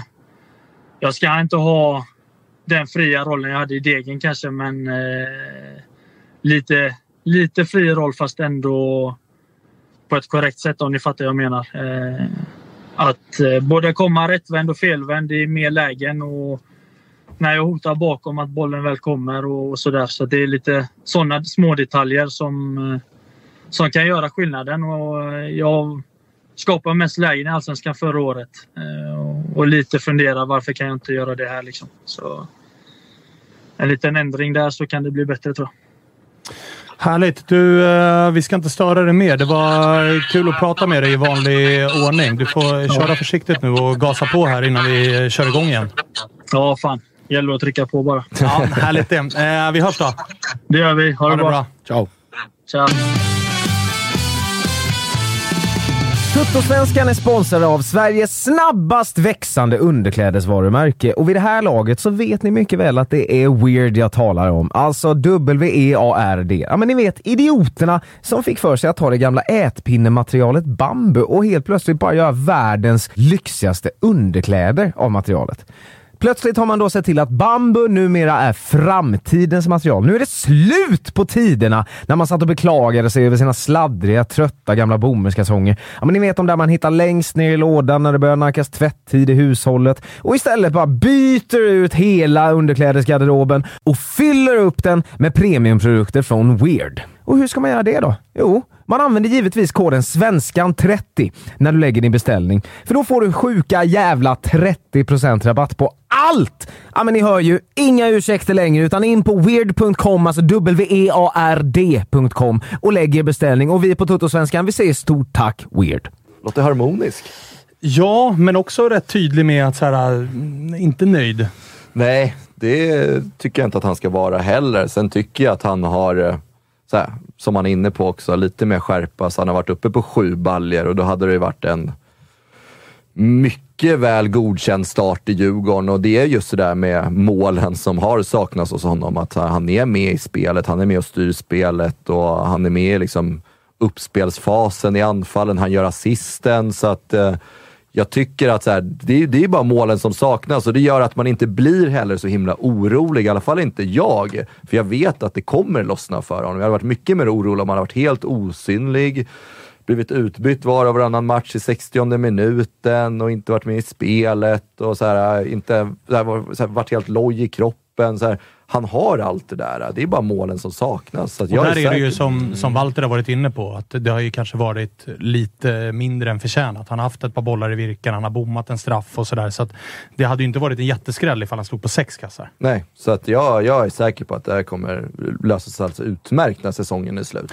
Jag tycker han sätter fingret, Kalle får, jag mm. tycker bara han sätter fingret på just det här. Alltså, nu ganska ledande fråga mig med, med Sead och hur det samarbetet har funkat, men han sätter ju precis fingret på när han sen svarar på att det finns delar som inte kommer till sin rätt, att det skulle kunna bli använt på, på ett annat sätt. Och att han just använder formuleringen “se, det är ingen spelare man flyttar på”. Och det säger ju egentligen också allting om vad Kim och Tolle har haft för ambitioner eller tankar kring att spela Sead i den rollen, vilket gjort att Viktor har fått stå på sidan, eller vid sidan i, i det avseendet, för att då kunna kombinera och det är därför det kanske har klickat lite ibland, att det inte har liksom suttit i synken. Jag tror bara att Edvardsen kommer bli ännu bättre och få en ännu större roll och, bli ännu, äh, och få alla de här sina önskemål uppfyllda när Sead lämnar. Det tror jag också. För att då är man tvingad att jobba med det material man har. Sen kan man dividera i all evighet om det var, som ni var inne på i början, var det rätt att bygga spelet så hårt kring Sead? Var det rätt att ge honom den rollen eller det utrymmet eller den manövern i det här laget? Ja, för uppenbarligen har ju Edvardsen hemma, hämmats av det. Hämmats, exakt. Och, hade, och, då, och, ändå, och då, då tycker vi ändå att han har hämmats. Han tycker själv att han har det och ändå har det blivit x antal mål och, och assist. Tänk då när, när detta inte är i vägen eller när det inte är ett problem. Vad, vad kan det bli då? Och det undrar man ju vad Kim och Tolle känner för det, att han uttrycker sig så också. Att så här, han känner att han har hämmats. Jag tror att de såg framför sig att de här två kommer skapa magi tillsammans.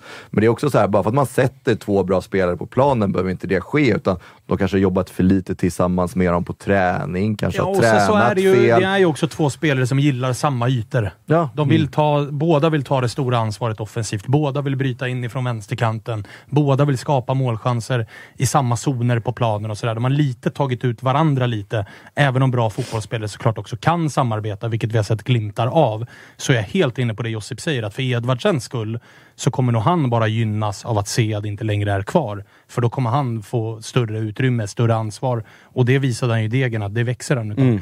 Eh, Kalle, du vill in här när vi pratar Edvardsen. Ja, men särskilt apropå eh, mål då. För Unibet har ju lite såna här specialspel som de har tagit fram. Eh, om man går in på Unibet och kikar på Allsvenskan så finns det lite såna här specialspel som passar ganska bra för alla avsnitt vi gör. Då. Och eh, gällande Victor Edvardsen så kan man spela på om han gör över eller under 12,5 mål. Över ger 2,40 gånger pengarna under 1,50. Och eh, givetvis har vi lite spel på Bayern också, som vi också snart ska gå in på. Då, Eh, då har vi bästa slutplacering, lite head-to-head går man in på då och kikar. Eh, Hammarby eller Djurgården, då är det Hammarby 1,40, Djurgården 2,70. Eh, och eh, Hammarby AIK, då har vi 1,90 på Bayern, 1,80 på AIK. Så att, in på Unibet och kika på specialspelen. Eh, se till att du är över 18 när du ska spela. Eh, har du problem med spel, kika på stödlinjen.se. Islossningen väntar då för Edvardsen. Det är ju gratispengar där på över 2 12,5 mål. Du tror det lossnar? Man får ju hoppas på det i alla fall. Jag tycker att allting pekar på att det kommer att lossna. Sen när det väl lossnar, det får vi se. Härligt. Eh, ska vi släppa Djurgården där då och börja fokusera på det andra laget som huserar på samma arena, nämligen Bayern. Och Det finns väl inget lag vi kan beskriva lika mycket med eh, det gamla ordspråket upp som en sol, ner som en pannkaka den här vårsäsongen. För att det, avslutningen blev ju, den blev ju tung. Ja, de, de sista två matcherna, om man räknar in kuppen är ju minst sagt tung. Eh, sen eh, ska du inte säga att det, är- det är totalt ner som en pannkaka. Vi har ju en, fin prestation mot Norrköping där också i slutet. Men eh, nej, det var ju upp som en sol var det i vart fall de första Det var det definitivt. Mm, ja, så är det. Eh, och hur är det, om, det, det där är ju den kortfattade summeringen utav eh, vårsäsongen, men det har ju varit, om man, om man grottar lite mer i den, så finns det ju detaljer som är, som är eh, ja, men, mer intressant att prata om, nämligen Martis intåg, vad han har gjort på, på eh, väldigt kort tid och du har ju varit med tidigare och det har ju varit eh, ja, men ganska tydligt vad du tycker om eh, Martis intåg i Bayern och det, det är eh, väldigt positivt. Ja, absolut. Det går ju inte att säga något annat. Det, det, det är ju en fantastisk prestation han gjort på, på så pass kort tid. Att eh, ta sig till final i Svenska Cupen för andra året i rad. Eh, och eh, in, så som inledningen ser ut och vi, vi, är fortfarande, vi, vi står på 20 poäng nu i Allsvenskan eh, med en match mindre spel än AIK. Så att, och vi har Häcken hemma här nu eh, nästa omgång. Så att, eh, vinner vi den så går vi upp i serieledning. Så att, eh, det går inte att, att, att klaga på det på något sätt. Och eh, också hur han är som person ska jag väl lägga till. Att, eh, eh Freddy sa väl det att eh, tycker det är kul med Kim och Tolle för att eh, alla, alla hatar det och sådär. Men, men jag tycker det är kul med, eh, med Marti att han verkar vara så jävla skön och trevlig och någon som alla gillar. Eh, och ja, nej, han verkar vara fantastisk på alla sätt tycker jag. Och det är ju Josip rätt mycket som har gått eh, Bayerns väg den här våren, minst sagt. Och då har ju ändå ja, men ett stort namn som eh, Travalli kommit in, men som vi knappt har fått se spela fotboll. Eh, Så att det finns ju liksom sparkapital. Även den, eh, Kolander eh, som har fått sparsamt med speltid. Även där är det ju spelare som liksom ännu inte vuxit in i bayern kostymen Så att, ha, se, ser du Bayern som en tydlig eh, titelutmanare? Ja, det får jag ju vidhålla att jag gjorde jävligt tidigt. Jag identifierar väl Bayern som det kanske största hotet mot eh, Malmö. Eh, Oj, oj, oj. Om det skulle vara i, i ett titelrace.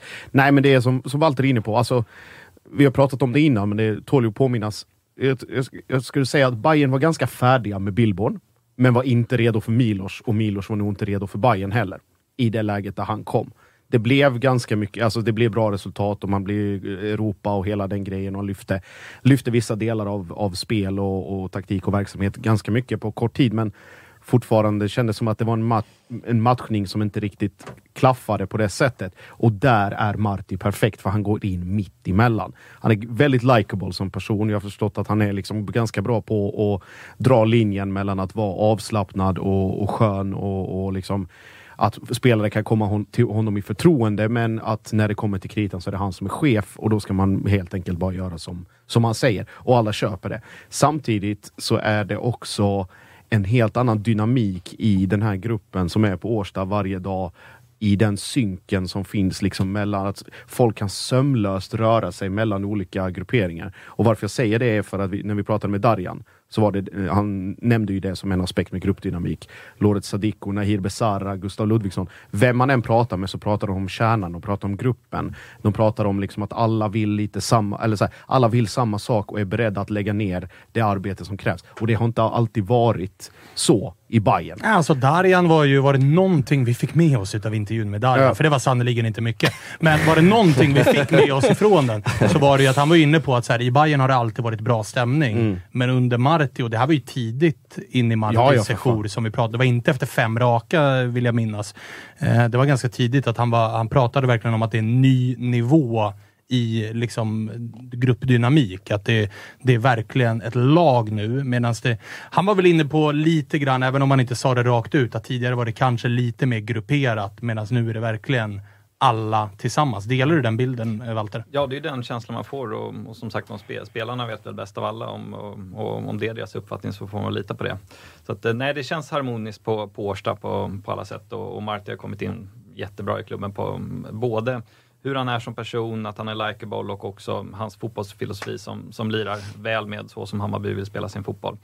Vad eh, kan man göra bättre då? För att elaka tungor, antagonister och rivaler pekar ju fortfarande på att... För jag tror att många Hammarbyare som jag pratar med, de menar ju på att de känner att Bayern har tagit, liksom med Marti, ett steg till nu. Medan vi som kanske står på andra sidan då menar att det här är samma gamla Bayern. Det är klang och jubel i inledningen och man går till någon cupfinal och så torskar man den och så står Ludvigsson och säger att vi skiter i titeln, vi ska spela rolig fotboll och liksom, så står vi där på andra sidan och säger så här, ja, ni har ju fortfarande inte lärt er någonting. Ja, nej, så kan man ju... Så, den åsikten kan man ju ha, men, men det som framförallt är eh, det nya med Hammarby, det är ju vårt försvarsspel. Vi är det lag som har släppt in färst mål i serien och det är man inte van att se. Och, Nej, det är man inte. Nej. Eh, Och det är ju, Martis historik är ju det också att han, eh, i de lag han varit i tidigare så har han satt ett försvarsspel tidigt eh, och släppt in få mål, inte gjort så många. Hammarby i år har ju gjort väl näst eller tredje mest mål, så det är ändå helt okej får man ju säga, med tanke på att man släpper in minst.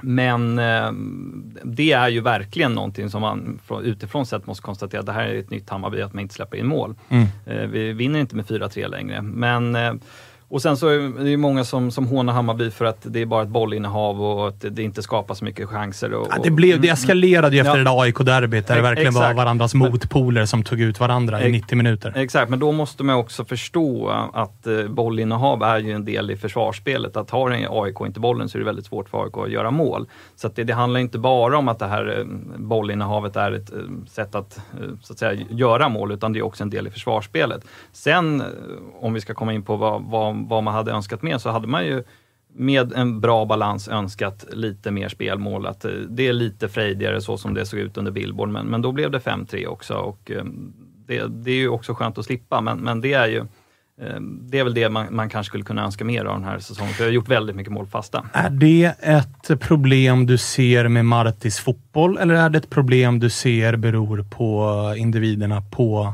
planen? För att jag menar, Mm. att, att man kan aldrig klaga på att ett lag gör mycket mål på fasta. Det är ju bara Nej, en styrka. exakt. Men däremot med så mycket bollinnehav, så mycket spel runt motståndarnas box, att inte lyckas pilla in bollen även i öppet spel. Beror det på att Astrid Selmani och Gurra Ludvigsson och Lado och Svedberg inte har varit tillräckligt bra? Ja. Eller beror det på att Martis fotboll inte är tillräckligt bra? Förstår du Ja, vilken av... men, men, precis, men, men det blir ju lite löjligt att säga att fotboll inte är tillräckligt bra när man är en av de lagen som gör flest mål i serien. Så att, eh, men men, men eh, jag, tror, jag tror det snarare handlar om, om Artis fotboll än att spelarna inte presterar. Och, och med det sagt så, så handlar det om att eh, vi inte spelar en risktagande fotboll, vilket återspeglar sig att vi inte släpper in så mycket mål. Att man, man kanske, kanske i viss mån då skulle ha eh, vågat lite mer i vissa lägen och, och slå, försökt slå den avgörande passen. Men, men det, det är så lätt att säga i efterhand för att eh, då när man väl gör den passen, ja då, då kanske man får kontringen i baken så släpper in mål istället. Så att, men jag tror att det, det är mycket fokus på att eh, att det ska vara en, en kontroll. Eh, och vi har ju gjort spelmål också. Ja, ja. Så att eh, jag är inte orolig och som du är inne på, så att, att vi gör mål på fasta, det, det får man ändå bara se som en styrka.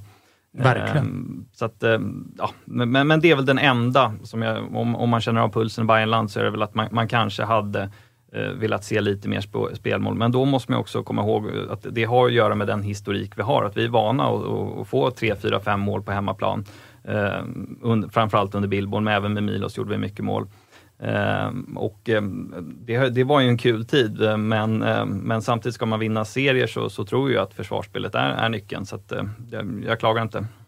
Nej men eh, och sen så har vi bara pratat lite så här överhängande kring Hammarbys säsong hittills som jag tycker skiljer sig åt tidigare säsonger. Det är att jag tycker att i år så har ni liksom satt alla era nyförvärv nästan.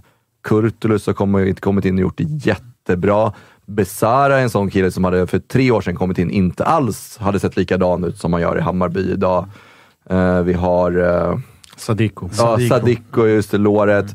Och Kolander, när han har kommit in och gjort det jättebra. Den en- enda så plumpen, det är väl typ Joel Nilsson. Ja, och, och, Travell, det vet vi inte. Nej, men- exakt. nej. Och sen kollar man tidigare säsonger. Har man Och Joel Nilsson in... var väl dessutom en Milos-värvning för hans spelsätt. så det vart ju, han hamnade ju lite mellan stolarna, Joel Nilsson. Ja, och det hade varit intressant att se, ja, men hade, hade det varit ett år tidigare och Marti hade varit, hade man köpt in Selmani då? Mm. Hade han varit en spelare för liksom Hammarby? För att det är ju en plump i protokollet. Ja, Och mm. Khalil är lite också likadan, liksom, en liten plump i protokollet. Och tycker jag att så här, kollar man på Hammarby tidigare år så tycker jag att i år har man gjort nästan ett klanderfritt fönster där liksom alla som har kommit in har gjort skillnad i Bayern förutom Joel Nilsson. Mm. Tycker jag. Och det har varit imponerande och det tycker jag är en stor skillnad från Bayern tidigare säsonger. Ja, eh, absolut. Jag håller med om att eh, Jesper Janssons arbete inför det här fönstret, eller inför säsongen, det, det är väldigt svårt att, att, ha några invändningar mot det. Samtidigt så tycker jag väl inte att eh, han tidigare har ett facit av att misslyckas heller med, med de nyförvärv vi har gjort, utan de flesta som har, som har värvats har, har, gjort det ganska bra och färgat i tröjan. Så att, jag vet inte om det är något, något tydligt exempel man kan peka på att vi har plockat in något som i vart fall som varit dyrt som har sen Ja, totalt Paulinho. Ja, ja, ja det, det har du fan rätt i. Det, det, det har du helt rätt i. Eh, han kom ju alldeles för sent för att han har vi ju snackat om många år innan, innan han väl kom och när han väl kom så då var han för gammal. Men, men i övrigt så tycker jag att eh, sportchefarbetet har varit bra men, men eh, inför i år så det är verkligen, det är nästan full pott. Men håller du med mig om jag säger att sportchefsarbetet den här säsongen har varit annorlunda? Jag har ju försökt driva den tesen lite i Toto-svenskan den här säsongen, att Jesper Janssons värvningar det här året tycker jag bör också ställas... Alltså med de värvningarna så tycker jag att kravbilden nu på Bayern ska vara höjd. Alltså det är topp tre som gäller, för nu är det inte eh, Assis som värvas. Som det är tydligt att här ska det bli en maxförsäljning. Vi får ta att han inte är toppklass i Allsvenskan i 20 matcher den här säsongen. Och det, har varit, det har varit ganska mycket ungt som ska förädlas och det ska säljas vidare och sådär. Nu är det Loret Sadiko, 30 bast, kostar rätt mycket. Det är Travelli, kostar en jävla slant han också. Eh, det, det är spelare som är ganska tydligt i en ålder där nu ska vi nog också börja vinna saker och sätta eh, resultatkrav på laget snarare än bara utvecklingskrav, vidareförsäljningspotential. Det, det är mer etablerat och färdigt nu än vad det kanske har varit tidigare. Ja, ja nej, jag, jag håller med. att, Det är klart att det här laget eh, som står på banan ska ju vara med och slåss om Europaplatser och det är ju klubbens målsättning. Det tycker jag det ska ha varit även de tidigare åren sett till hur mycket vi lägger som löner. Kan, kan dra det för att min polare, han, eh, Isak, han eh, roas med att begära ut från Skatteverket varje månad antal, eller arbetsgivaravgifter som inbetalas i alla klubbar i Allsvenskan. Eh, och ehm, tittar man på de siffrorna så om man gångrar dem i tre så ger det en ungefärlig bild av hur stor lönekostnaden är. Och av de fyra första månaderna så tror jag Malmö har typ 63, Bayern har 48, sen så kommer AIK på 34 och sen Djurgården därefter på 30. Så att Hammarby är ju liksom klar tvåa i, i, i, i lönekostnader. Sen är inte det hela sanningen, men, men att vi ligger där omkring, det har varit känt i några år nu att eh, vi är ju klart topp 3. Så att, eh, då, då är väl det enda rimliga att vi ska ha den målsättningen och de kraven på, på laget och vi också ska vara där uppe. Mm, jag tänkte bygga vidare på det du säger Kristoffer. Alltså att det känns, alltså, ja kravbilden har höjts i Bayern men det känns också som att Bayern själva nu är medvetna om att de här dagarna eller åren med höga lönekostnader och tålam, lika med tålamod, lika med vi får se vad som händer, det, det är borta. Det finns liksom inte. För att Bayern håller också på i, alltså vad heter det, Zlatan är en delfaktor, eh, AEG en annan, eh, vad heter det, supporterna och medlems, eh, liksom, medlemsfrågorna och allting som är kärnan i Hammarby från, från, liksom, från grunden är en tredje. Men att Bayern börjar sakta men säkert i takt med att då det kommer sportsliga framgångar som cuptitel, eh, attraktiv fotboll, tränarnamn som kommer, sportcheferi, dyra försäljningar, nu vill jag till exempel och eh, Amo och Aziz. Alltså att Bayern håller på lite att gå bort. Alltså man, man är väl medveten om vilka grunder man kommer ifrån, men man har också blivit extremt medveten om att vi måste gå mot en mer el elitiserad, för att använda det uttrycket, eller professionell eller eh, vad heter det, resultatdriven verksamhet för att överhuvudtaget kunna konkurrera med Malmö, AIK, Djurgården i viss mån, Blåvitt. Att bli etablerat som, som ett ordentligt topplag och inte som, eh, vad heter det, ett, eh, ett poplag som, som bara är bra någon gång ibland där det slutar 4-3 eller 7-4. Eller det, delar du det eller känner du att det, det är på väg åt det hållet mer och mer? Ja. De senaste, i alla fall två åren. Ja, eh, eh, alltså Hammarby har väl alltid försökt prestera, sen har man inte lyckats i den mån man kanske önskat och vi har ju historiskt sett underpresterat sett till den ekonomi vi har. Men den förändringen du talar om, den upplever jag att den kom eh, ungefär i samband med förra vdn Kindlunds inträde att, och den resa man gjorde i Superettan. Att ända sedan dess så har man aktivt från klubbens sida försökt göra en prof mer professionell verksamhet och den utvecklingen har bara fortsatt. Jag har, det är plumpen under coronaåret 2020. Så I övrigt så, så har det liksom hela tiden stegrats. Vi är den näst största ekonomin i, i svensk fotboll idag efter Malmö. Eh, sett till liksom publikintäkter, sponsorintäkter. Och, så att, eh, det, det, har ju verkligen professionaliserats och, och, och, så som det är idag, man, från, från Hammarbys supporternas sida så är det ju medieavdelningen som man har velat se mer och där kan man önska mer, men i övrigt så så är det en professionell fotbollsklubb. Det går inte att säga något annat. Mm. Den här tiden när man garvar åt Bayern, den, gör man det så, så tycker jag då har man helt enkelt fel. Vi, vi presterar också sportsligt i den märkelsen. Vi är cupfinal två år i rad, så det går ju liksom inte att, blunda för det. Nej. Det man eh, däremot kan, nu sitter vi och berömmer Jesper Janssons arbete och eh, du var inne på att man eh, inte ska garva åt Bayern längre och det, den bilden kan jag absolut dela. Däremot så var det ju ett eh, jävligt anmärkningsvärt citat eh, efter eh, cupfinalen från Jesper Andersson Andersson gällande VAR. Vad, vad gjorde du av eh, det citatet som man drog? Att eh, det är, det är 100 medlemmar som ja. gaphalsar och skriker. Vi borde mellan raderna sa ja. han, vi borde skita i dem och skaffa VAR. Ja, nej det är ju naturligtvis inte okej okay att han uttrycker sig på det sättet. Samtidigt får man förstå att han, han uttrycker sig så i en frustration direkt efter en, en förlorad titel. Eh, men att eh, Jesper Jansson varit motståndare till 51%-regeln, det har ju varit känt i alla år. Så det, det, är ju ingenting nytt. Men, men, och jag är inte det, vissa supportrar känner sig ju eh, på något vis som att det är ett otroligt angrepp och man, man är rädd för att 51%-regeln på något vis skulle vara i fara. Det är ju total konsensus om att, eh, att den, den, är här för att stanna och det, det, är liksom, det, det, finns ju inget intresse whatsoever i svensk fotboll att ändra på det. Eh, så att det är en, en enskild tjänsteman som, eh, som uttrycker sin personliga åsikt. Men, men eh, med det sagt, han är anställd av Hammarby. Vi har ett medlemsbeslut på att vi ska bevara 51%-regeln och, och att, vi, eller att vi är emot VAR och att klubben ska verka för det. Så, att, eh, så kan han ju inte riktigt uttrycka sig, det. Så att en liten eh, ta i örat? Ja, typ. Där stannar mm. väl. Ja, mm. Okej, okay, bra. Eh, du ska såklart också få svara på samma rubriker som eh, Fredde fick gå igenom och i sådana fall undrar jag eh, till att börja med då, vem som har varit vårens bästa spelare? Ja, för mig är det Besara. Rätt enkelt. Ja, ja bland, jag vet eh, Jim som brukar vara här, han har en podd som heter Svänger om Bayern. De har haft, hade någon liknande vårsummering här i veckan nu och drog ut lite polls på Twitter och eh, bland Hammarbyarna så är det väl jämnt skägg mellan Jihas och Besara. Mm. Men eh, för mig så är det Besara. Mm. Härligt. Vi ska ringa Besara lite senare. Det blir eh, intressant att höra vad han har att säga. Vem har varit vårens överraskning då? För där hade fan Besara kunnat gå in också. Ja, jag tänkte ju säga det. Att för mig är det nog trots allt Besara där med. eh, med. Med tanke på att han kom från Örebro, det är väldigt svårt att veta vilken nivå han håller. Vi vet att han var bra i Hammarby tidigare, han har varit jättebra i Örebro, de vänder han har varit där. Men det är ju... Men hösten i Örebro var ju inte... Nej. Då tänkte man inte det här är seriens bästa spelare om ett halvår. Exakt, så att eh, man hade inte de förväntningarna att han skulle vara den bästa spelaren i Hammarby. Och på så vis så, så är han för mig den, den största överraskningen. Sen, eh, sen finns det andra som utmärkt sig bra, som Kurtulus har gjort jättebra. Ja, jag tänkte säga, han, är väl, han måste väl vara tvåa på den listan? Ja, men, men samtidigt, där skulle jag inte säga att det är en enorm överraskning för att han var bra i Halmstad och jag hade höga förhoppningar på honom och förväntade mig att han skulle, skulle ta en sta- startplats. Sen att han varit så bra som, som han är, det, det är väl en viss mån en överraskning men, eh, men man hade ändå förväntningar på honom. Och, men Besara hade man inte förväntningar på att han ska vara bäst i laget. Men tänkte man inte om Kurtulus att så här växa in i kostymen? Alltså jag menar, där finns eh, hyfsade mittbackar i... Ja, fast det tycker inte jag det gör. Men, eh, Ah, okej, okej. jag- jag- Men jag menar, det, Mm. du, du tänkte ju inte, nu värvar vi en kille från Halmstad som om fyra månader kommer vara landslagsman. Det tänkte jag inte. Men, eh, men jag tänkte ju att eh, om Kurtulus gör det han ska så ska han vara bättre än Magyar och han ska vara bättre än Björn Paulsen.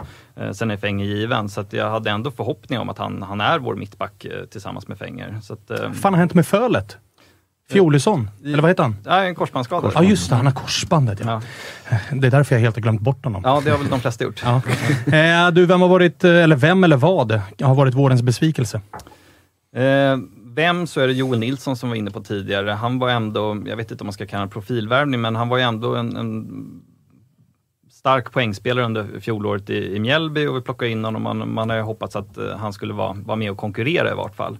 Eh, sitta på bänken, det är väl ett, det minsta krav man kan ha på en nyförvärv. Men, eh, men han är ju läktad, så att, eh, det, det är ju en stor besvikelse. Men det, det har ju att göra, som, som du var inne på, med tränarbytet. Och att, eh, Jag den, tycker nästan lite synd om honom. Ja, verkligen. Det han har hamnat helt snett. Eh, Så att, eh, där hoppas jag att man för både han och, och Hammarbys räkning hittar någon lösning. För att, Lånet tillbaks till Mjällby. Ja, varför inte? För Han, uteslöt det själv. Förlåt Ja. att jag avbröt dig. Han Ja. uteslöt det själv igår läste jag. Jaså? Ja, för att det gick rykten hemma om att, eh, att Hasse skulle vara på Bayern om att låna tillbaka Joel. Men Joel sa att nej, nu är jag i Bayern och det är jag är här av en anledning och det är för att jag ska bevisa att jag ska spela. Och det är liksom, det, man får inte tänka att det är hans första stora Ja, ja, flytt. verkar ändå. Och också så att... Ja, men lite det jag menar. Att så här, han, han måste känna... Alltså, jag tycker synd om honom för att till slut kommer det där kontraktet med en storklubb. Mm. Han har garanterat eh, haft eh, två, tre timmars samtal med Milos. Det här är rollen du är tänkt i. Eh, du kommer få fria tyglar längs högerkanten, bara blåsa på som du har gjort i Mjällby. Flytt till Stockholm, Mm. Bayern, fullsatta läktare och så går det en månad så så Milos på en flygplats i Trondheim och så är, så är det över och så hamnar han i, i någon jävla frysbox. Mm. Deppigt liksom. Men, ja, men den, den den, den ålder han är också. Hade han varit 23 hade det varit en annan sak, men han är ju prime. Liksom. Han ska ju verkligen leverera och vara, göra sin bästa fotboll nu. Så att, eh, det, det är tråkigt att den värvningen inte har fallit väl ut. Eh, finns det någonting annat där i besvikelsekategorin? Ja, det är ju bortaspelet på gräs. Eh, återigen, som, eh, vi förlorar mot Kalmar borta, vi förlorar mot Värnamo borta nu.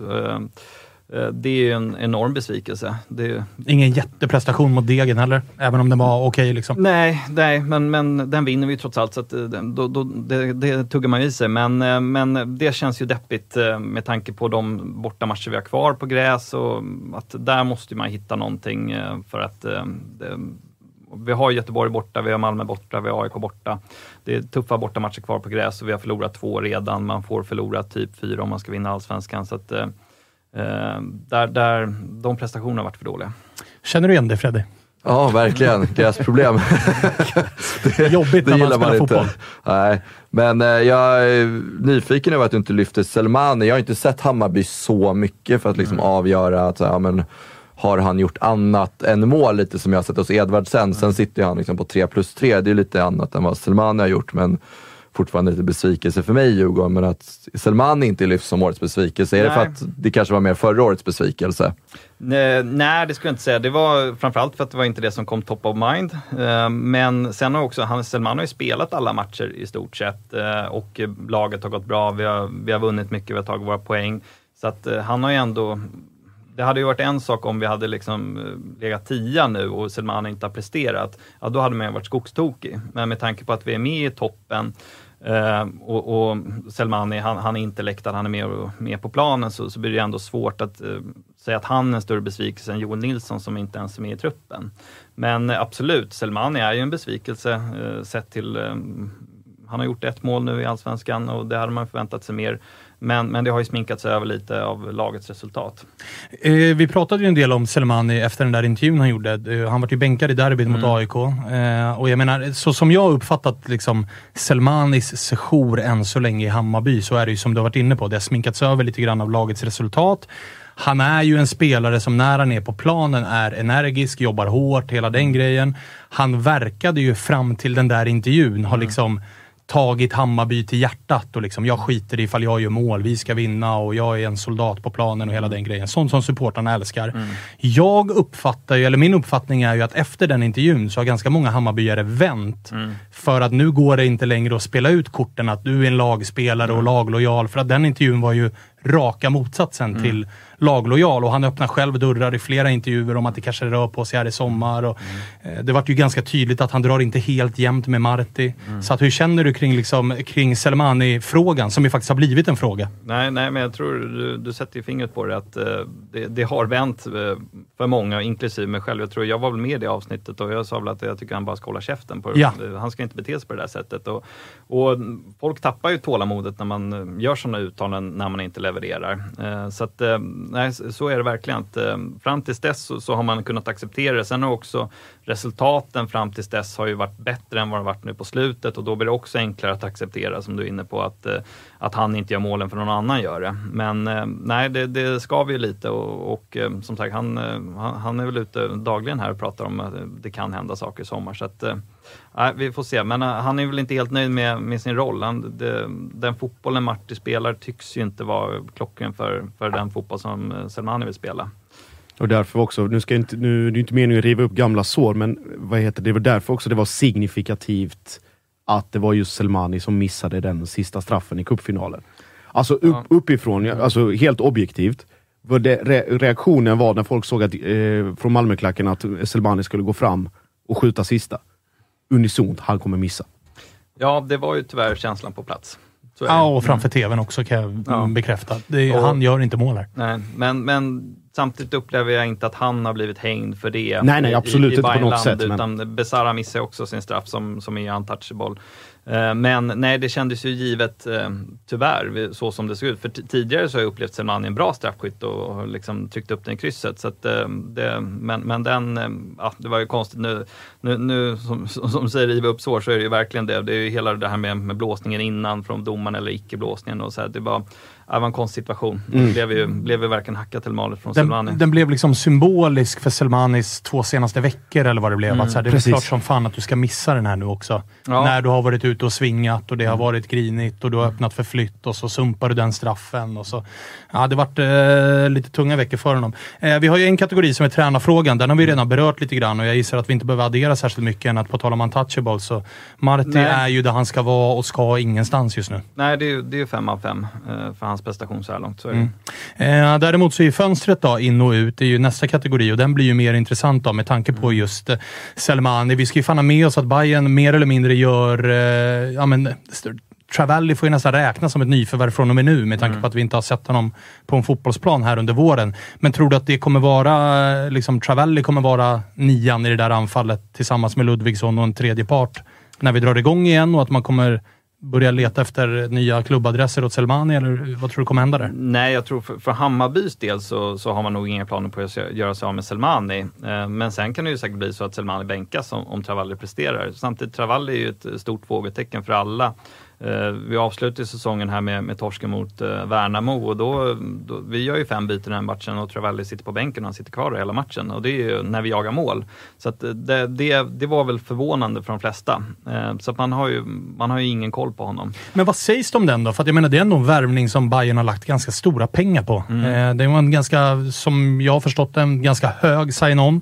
På en hög sign-on brukar det komma en ganska saftig lön och eh, enligt allt man hörde under vinterfönstret så var Marti och Jesper Jansson ganska tydliga med att vi måste värva en anfallare. Man var på eh, en spelare som hamnade i AIK och man var säkerligen på andra alternativ också, men jag menar, lägger man den summan pengar och det går ett halvår, är det fortfarande liksom ett osäkert kort? Hur, hur går snacket kring Travelli? För utifrån känns det nästan som att han har blivit någon liten gubben i lådan typ. Ja, nej, men eh, så är det ju. Eh, nej, det som, som eh, så att säga ursäktar värvningen, eller vad man ska säga, det är ju att han har varit skadad. Det, Mm. hade han varit liksom tillgänglig eh, under våren och eh, han inte har spelat och man lagt eh, lite extra pengar på att få loss honom tidigt och sådär. Ja, då hade man väl redan nu kunnat konstatera att i vart fall hittills har det ju varit en katastrofvärvning. Men nu har han varit skadad så att det går inte att göra en bedömning från hur sportchefen och Hjelmberg har skött sitt arbete. Utan, det, det är otur att han skadade sig på en landslagssamling. Samtidigt så, många är ju, är ju sura nu över att varför betalade vi extra pengar för att få honom komma tidigt med tanke på att vi inte har kunnat utnyttja honom. Jag tror ju ändå, vi har ju naturligtvis en fördel av att han har varit här nu i flera månader när sen hösten drar igång. Till skillnad från om han hade kommit nu i sommar. Även om han varit skadad så har han ju ändå kunnat träna en viss del med laget och, och lärt sig spelsättet. Så Ja, och fan det- skador händer. Ja, Alltså, men så att det, är, att det är inte helt bortkastat menar jag, de pengarna vi la på att han skulle komma tidigare. Men, eh, men han är ju helt, eh, ett helt oskrivet kort så att vi, vi har ingen aning om eh, vilken, eh, vilken nivå han håller. Eh, Men eh, och anledningen till att det inte heller har varit någon, någon stress kring det, det är ju att laget har ju presterat så bra så att då har, inte, då har man inte saknat honom. Det har inte känts som att vi måste ha in någon eh, så länge laget har funkat. Eh, Men, men nu när Williot drar, vilket eh, allt tyder på, eh, då är väl han, så, så som jag tänker mig i vart fall, en naturlig ersättare till honom. Och på Williot så verkar ju också Lado dra. Ja, och det är ju det är bara att beklaga, men det är ju Lados beslut. Hammarby har erbjudit honom kontrakt och vill ju förlänga, men han är utgående och hans, han tillsammans med agent verkar tro det bästa för honom är att dra ut i Europa, trots att jag menar att han inte har eh, färgat i allsvenskan på det sätt som man eh, kan eh, begära eller förvänta sig. Så att, jag tror ju att det är ett dåligt beslut för honom. För Hammarbys del så, så spelar det väl ingen större roll för att det är inte så att han är en dominant spelare i vårt lag som, som vårt, liksom, vårt, vårt strid om SM-guldet kommer att avgöras på. Så det, det är väl bara tråkigt helt enkelt. Men det det gör med Hammarby däremot är ju att man behöver eh, agera på infronten här Ja. under sommaren också. För både Svedberg och Lado ut, två spelare som har varit Eh, ja, men Svedberg har ju definitivt varit viktig. Mm. Lado har varit nyttig snarare än viktig kanske med tanke på att han har fått sina starter, han har gjort sina minuter. Mm. Inte öst in poäng på något sätt, men det har ju varit en spelare man har kunnat använda ganska mycket. Travalli, osäkert kort. Astrid försöker uppenbarligen gö- liksom leta sig bort ifrån Hammarby. Ja. Det är i sådana fall eh, det är ett par spelare som är... Om, om, om, om, eh, jag tror ju att eh, det landar i att Ladd och Williot försvinner. Och om två försvinner, då tror jag inte man behöver ta in två nya nödvändigtvis, utan det kanske räcker med en på grund av att Kolander är tillbaka, eller han har kommit igång nu och spelat ett par matcher som jag ändå tyckt såg fin ut i sin första match. Inte så fin mot Värnamo, men det var en katastrof på alla sätt. Men, eh, och sen så har vi Joel Nilsson som kanske går att tina upp eh, och sen kommer Travalli. Men, men en spelare ska väl in i vart fall, eh, om de två lämnar. Och vad vill du ha då? Tankovic. Ja, det är så va? Ja, Mm. och, och jag är verkligen eh, inte förtjust i hemvändare, men, men just Tankovic är väl det undantaget som berätt, eh, bekräftar regeln. Eh, för jag tycker han var ja, så fin i Bayern. han är fortfarande i en bra ålder, så att han känns fortfarande intressant eh, att ta hem. Och han såg sig i Hammarbyhöjden, hörde jag igår. Oj, oj, oj, oj, oj. Fan, breaking news så. här. Ja, ja, ja. Vet ni vad det bästa, alltså det roligaste med Allsvenskan, det är ju att alla har listat ut pusslet i hur man blir framgångsrik. Alltså man värvar ungt, man förädlar och så säljer man dyrt. När alla sen får önska spelare in, jag är ju likadan. Mm. Då Bara är folk det ju, som är utifrån. Ja, men då är det ju 29 år i hemmen. Alltså Ja. Blåvitt vill ha Sam Larsson, Djurgården vill ha Marcus Danielsson, AIK vill ha John Guidetti, Bayern vill ha Tankovic. Alltså man vill ju inte ha de här 19-åringarna. Man vill ha sin gamla favorit, eller någon ikon, eller någon 30-åring som har, som har gjort det bra förr. Men jag håller ju med att så här, för Bayerns skull så behövs ju... Alltså Gurra Ludvigsson i all ära. Han är ju inte fixstjärnan Gurra Ludvigsson, utan han är nyttig och jobbar hårt och är bra på mycket, kan användas på många positioner. Men Tankovic är ju en sån här tungan på vågen-spelare. Ja, nej, det vore jävla läckert att se Besara, Bojanic, Tankovic. Alltså det, eh, han tror jag verkligen skulle kunna komma in från dag ett och prestera. Eh, men, men sen, det är så svårt. Det, som, som jag sa, jag gillar inte hemvändare så att, eh, det bästa vore ju om, om eh, klubbledningen överraskar mig med någon jag aldrig hört talas om. Det, det, det är ju kul, men, men just Tankovic, eh, han, han tror jag, eh, han är nog nära också, är känslan. Ja, Jesper Jansson har ju pratat om Tankovic ett par gånger om att det- de håller kontakten. Och, Jag läste senaste dagen, han har ju ett år kvar i Grekland, men att eh, klubben vill göra sig av med honom. Eh, för att han sitter på en ganska dyr lön och så, här, så det kanske går att lösa att eh, de löser ut halva kontraktet eller någonting. Och, Det är en röd prislapp på Tankovic just Ja. nu. Mm. Ja, det och sen jag tänkte fylla på också, om det inte blir Tankovic, att man får göra lite rokader men att man tar in Zeidan som man är också har varit, som man är sugna på. Mm. Sa- Tillsammans med, med Malmö, eh, som vi pratade om i det andra avsnittet. Mm. Så att det är också ett namn som är där uppe. Och framförallt då just, eh, alltså Bayern har Eh, Kanske inte lika mycket nu, men har ju haft problemet, eh, lite som Malmö, med eh, balansen mellan inhemska och eh, utländska spelare. Så det hade också väl varit en... Tankovic och Zidane är bra lösningar på två svenska spelare ut, eventuellt då en av dem in. Ja, Zidane också bra ersättare till Svedberg. Lite Ja. samma roll. Absolut, och snackar vi ut så, så om Williot försvinner och eh, eh, Lado försvinner, det, det oroar mig inte för där, där känns det som ersättare finns i vart fall enkelt att plocka in.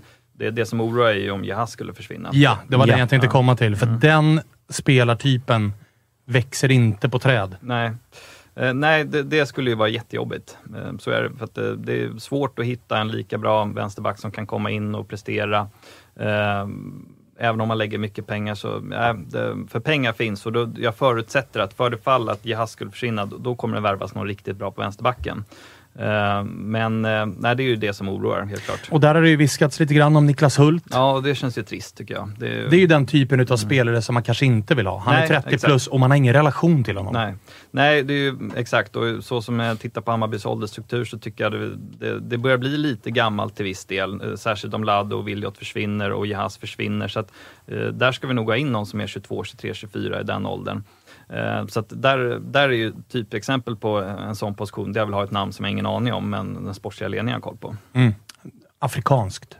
Verkligen inte. Men, nej, Vi men har ju he- samma hemma- problem i AIK. Ja. Liksom. Skulle 81 försvinna, det går ju inte att ersätta. Nej. Nej, men eh, nej, så det, det är ju det som oroar. Eh, och där, men nu Celtic-ryktet verkar ha svalnat lite, så att, jag vet inte. Men, Ja, men de det- jävlarna har ju gått på Otieno istället. Ja. Lackar ju. ja. Men nej, så vi får se. Men han är ju väl värd att få ett fint kontrakt i Europa och eh, om inte Celtic är intresserad så övertygad om andra är det. Så att, eh, det, det är väl det, är det som oroar inför fönstret ut. Det förstår jag. Freddy, du ville in med något här eller? Ja, Walter. Har en liten fråga till dig här. Mm. Vad fan har du emot hemvändare? Nej, det känns bara... Jävlar vilken pottkant du satt honom. Ja. Nej, Fan, men- ni, ni jobbar ju mycket med hemvändare i Bayern. Nej, det skulle jag inte påstå, men eh, inte mer än andra. Men, eh, nej, men det är så, det är sån klassisk, eh, klassisk supportergrej att, eh, att eh, man, som, som Svan är inne på, att man, man vill ju, man, man är bekant med det man vet och eh, man, när man minns att Björn Paulsson var bra i Bayern sist, ja då är det klart han ska hem. Eh, men det är ju tur att det är inte supporterna som, som styr klubbarna utan att det är den, den professionella sportsliga ledningen. Men eh, nej, det, förutom Kennedy så, så är det ju sällan som det har fallit väl ut med hemvändare i Hammarby i vart fall. Ja, det får man lov att säga. Jag satt och försökte tänka på någon, men kommer fan inte på Nej, någon. det är ju Han har ju en liksom- stor förkärlek för dem. Ja, det- det- Han gillar ju hemvändare. Det är ju Petter Andersson och det är Max von Schlebrygge och det är liksom, det är ingenting som, som verkligen har flugit. Nu, Besara är ju, han, han har ju gjort det verkligen bra nu, men han känns inte riktigt... Han har ju liksom inte varit ute och vänt hem så. Nej, han han, känns- är ju snarare kommit ju till Bayern revanschsugen efter ett Örebro-äventyr som Ja. inte blev bra alls. Ja, och Runa är ju ett sånt exempel också. Alltså det, det finns många att, eh, att lyfta där det liksom det, när man kommer hem och som, som inte flyger. Så att, eh, nej, det, jag hoppas vi, vi slipper se det, förutom Tankovic då. Ja. Fan vad klubbindividuellt det där är nu när ni, när ni, liksom när ni tar upp det. Djurgården har ju en helt okej eh, liksom, tradition av folk som kommer tillbaka. AIK har ju bett till alla gudar man känner till för att JG ska komma som hemvändare. Och sen Malmö som har jobbat liksom i, vad är det, ja säkert en 6-7 år med att bara liksom skicka ut och ta tillbaka, skicka ut och ta tillbaka och byggt hela sin, liksom, hur ska jag säga, truppbalans på just det här. Och nu när man pratar om den här sista lassen eller sista kullen av hemvändare som ska komma tillbaka. Ja, då pratar vi ändå Robin Olsen, Pontus Jansson, Emil Forsberg, Filip Helander och Saman Ghoddos. Så att jag, det... Ja, men det är olika. Alltså, Ja. AIK, vi gick ju på en, AIK gick ju på en mina med Majstorovic. Ja. Annars har ju AIK också varit rätt bra. Alltså Ja, med ja. Bojan och nu på senare Sebbe, Lustig och Ja, sådär. men det, det där är också skillnad för att man hittar dem i sin prime och att de känner själva att de är hungriga när de kommer tillbaka. Nu ska inte jag sitta och spekulera i Nej, hur, alltså, allt hur hungrig hemvänd- Petter Andersson var tillbaka, eller när han vände, eller Max, eller någonting sånt. De visste ju vilka premisser de gick in på. Men att jag menar bara att klubban är så, klubban är så fruktansvärt olika, att alla jobbar med samma sak, men man letar efter olika saker och identifierar rätt saker med rätt spelare för att ta hem dem när de ska vara hungriga. Men fan tror du Rosenberg skulle bli det han blev när han kom tillbaka? Nej, men alltså, allt handlar ju om den där med... Alltså, är kroppen frisk så handlar det ju bara om en sak och det är motivation. Ja. Och det är väl där man ser, vi pratade om det med Pierre Bengtsson, att så här, vilken anledning flyttar han hem för? Flyttar han hem för kärleken och det är soft att bo i Stockholm i första hand, då kommer ju inte fotbollen bli lika bra. Det var ju drömmen om Djurgården. Det vet ah, vi båda. det var det nog inte, nej. Det så här, men där, det- var ju, där tycker jag ju som... Alltså alla, alla, Fredde, jag vet att du sitter där, men alla Mm. är väl med på att hade AIK och Djurgården erbjudit likvärdiga kontrakt till Pierre Bengtsson, så hade han troligtvis valt att spela i AIK. Där har ju AIK uppenbarligen gjort en bedömning, för AIK erbjöd honom inte kontrakt och det beror ju såklart på att vi har Erik. Otieno där. Eh, men jag menar, alla är ju med på den premissen. Liksom, att så här, Sen, det, det, sen vad det gäller hemvändare och om de blir lyckade, det handlar ju naturligtvis också om det är bra fotbollsspelare. När, Ja, när, såklart. när, när. Malmö plockar hem Rosenberg, då- är det en klassspelare. Petter Andersson var inte det läget när Bayern tog tillbaka honom. Det var ju liksom mediokra superettan-spelare. Så att, eh, eh, med tanke på vad Bayern har varit de senaste tio åren, så vår, att förvänta sig att våra hemvändare ska vara bra, det, då, då lurar man sig nog sig själv. Eh, förutom då Kennedy som är undantaget, som också Mm. eh, lyfte. Ja, och det ser man ju också på hans CV, att det är en annan nivå han var Ja, ute på exakt. när han var ute i Europa. Det var Ajax och det var La Liga och det var hela den grejen. Så det, var ju, det var ju såklart en bättre spelare, men även spelare med det CVt har ju misslyckats och då beror det ofta på att motivationen inte är där. Majstorovic är ju ett lysande exempel på det. Att han trodde ju att han kunde gå in och spela med, liksom med, med flip-flop-tofflor och skulle vara bäst på plan och så funkar det ju inte. Och det tror jag handlar jättemycket också om identitet. Alltså de här Malmökillarna som är ute nu. Liksom, de, De har ju något för starka Malmö. Mm. känslor för Malmö. De pratar gott om Malmö hela tiden. Sen så hemvändare som Pierre Bengtsson, han hade aldrig haft en relation till Djurgården innan. Liksom. Det förstår man att kanske så här motivationen har varit en helt annan om man hade gått till AIK som är hans barndomsklubb. Och så här, ja, men, så här, så här, om vi kollar hemvändare för Djurgården nu framåt, liksom, och då är det så här, Tibbling och Bergström och där börjar folk snacka om att så här, nej, men, de är inte tillräckligt bra för att komma hem till Djurgården. Det tycker jag också är relevant diskussion. Att, så man kan ha jättemycket känslor för de här spelarna, men är de tillräckligt bra? Ja, nej, men då kanske vi ska hoppa det och det tycker jag är jättetråkigt för Tibbling när han lämnade, det var givet att han skulle komma tillbaka till Djurgården för att man tänkte att han skulle ha en helt annan utvecklingskurva. Mm. Vem ska han konkurrera ut nu på det centrala mittfältet? Ingen. Emil Bergström, samma sak. Men där tror jag det handlar om att trycka på rätt grejer. Alltså trycker man, skulle Hammarby värva Tankovic nu, det man ska trycka på är ju liksom du kan, du kan bli en Kennedy. Alltså om Mm. du kommer hem och vinner guld här med oss. Det vet jag att AIK tryckte på med Sebastian Larsson. Att så här, ett, han har, ingen, han har ingen klubb i Sverige som är sin. Det här fanns det en möjlighet att göra en klubb till din. Och du kan vinna någonting. Du har spelat Premier League hela ditt liv, men det har ju varit i bottenklubbar. Du har aldrig tävlat om titlar. Kan inte det locka fram någon motivation i dig? Jo, det Exakt. kunde det. Eh, samma med Lustig. Petter Andersson, alltså de här Erik Berg som kommer hem och är liksom, de är på gränsen till invalida och det blir så här, kom hem, här får du ett kontrakt och ja, du kan väl spela när du är frisk, typ. Motivationen finns ju inte där att kanske sköta rehaben till 100% och göra gnugget till 100% för att man brinner inte lika mycket för det, utan det var mer soft att komma till Stockholm. Ja, och hade, Alltså, han lirat i Djurgården från första början, Erik Berg, då hade det funnits en helt annan motivation. Sen han, så här, ska vi inte prata om motivation med honom, för att han nötte ju verkligen. Han verkligen, han, han ville ju liksom, han nötte ju liksom dag in och Ja, dag ja, ut alltså, för att komma tillbaka till dåligt planen. exempel. Men så här, jag, jag håller med vad du menar liksom, och det finns andra incitament när man har en annan här, känsla för klubben att komma hem till. Och det tycker jag är hatten av till Malmö, de har jobbat. Sen har ju de också haft en enorm utveckling Exakt. på de spelarna som ni har släppt i vägen. Helander hade mycket väl kunnat slutat ut upp i Zweite Bundesliga, men nu Mm. har han liksom växlat upp ordentligt. Och, Det är bara att han har porslinskropp, det är ju en annan sak. Men det var, alltså, om, vi, om vi ska sammanfatta det, liksom, när du säger att, eller den bedömningen. Kommer den spelaren, ska vi ta hem honom för att ta hem honom? Eller ska vi ta hem honom för att han har något konkret att bidra med? Alltså, jag är helt övertygad om att Jimmy Durmas eh, fönstret i Malmö är helt stängt. Och det var egentligen stängt för två år sedan. för man är inte tillräckligt bra. Ja, han är inte till, det är åldern i kombination med att den konkurrensen som finns där just nu är inte nödvändigtvis i paritet eller i, sämre med, eh, med Jimmy Durmaz. Och det är väl ingen, ingen är väl mer besviken än, än han själv och, och klubben att det inte blir. Men jag, alltså det, det finns inte en chans idag. Tyvärr. Hörni, det var låga odds på att det här avsnittet skulle bli långt och längre ska det bli, för vi ska ringa upp eh, Nahir Besara som har varit vårens bästa spelare i Hammarby och kolla pulsen med honom. Där har vi med oss Nahir Besara. Hur är läget? Vad sa ni? Hur mår du? Det är bra, tack. Själv då? Jo, det är bara bra. Ni har trummat igång nu igen efter lite ledighet, va? Ja, gud ja. Nu, nu är man igång. Härligt. Hur eh, spenderade du de lediga... Hur lång tid fick ni? Tio dagar? Sju dagar? Ja, tio dagar fick vi. Tio dagar. Han åka bort tre dagar. Resten var man här hemma. Ja, Okej, rätt skönt ändå, va? Ja, verkligen. Du gjorde, verkligen. du gjorde Väl, inte- alltså, det behövde. Det förstår jag verkligen. Det var en intensiv eh, vår. Vad tänkte du säga Josip? Nej, jag sa du gjorde inte som ungtupparna och drog till Marbella och vad är det? Marbe Marbella Paddle Club och allt vad fan de var någonstans. Mm. Det hade varit trevligt, men nej. Tyvärr nu när man, när man har fru och barn och allt men det går inte på samma sätt. Vi åkte bort eh, eh, tre dagar med jag och frugan. Eh, var strul med grabb, yngsta grabbens pass. Vi skulle åka bort hela familjen, men som, som alla vet så är det kaos med passen och så, så till slut fick vi åka bort själva några dagar. Sen var man hemma med barnen. Skönt det. Du, eh, vi har suttit och pratat lite grann med eh, Walter, Hammarby-supporter, som eh, är såklart relativt nöjd med den här våren och som utsåg dig till bästa Hammarby-spelare under de här första tio matcherna. Vad, vad gör du av den informationen?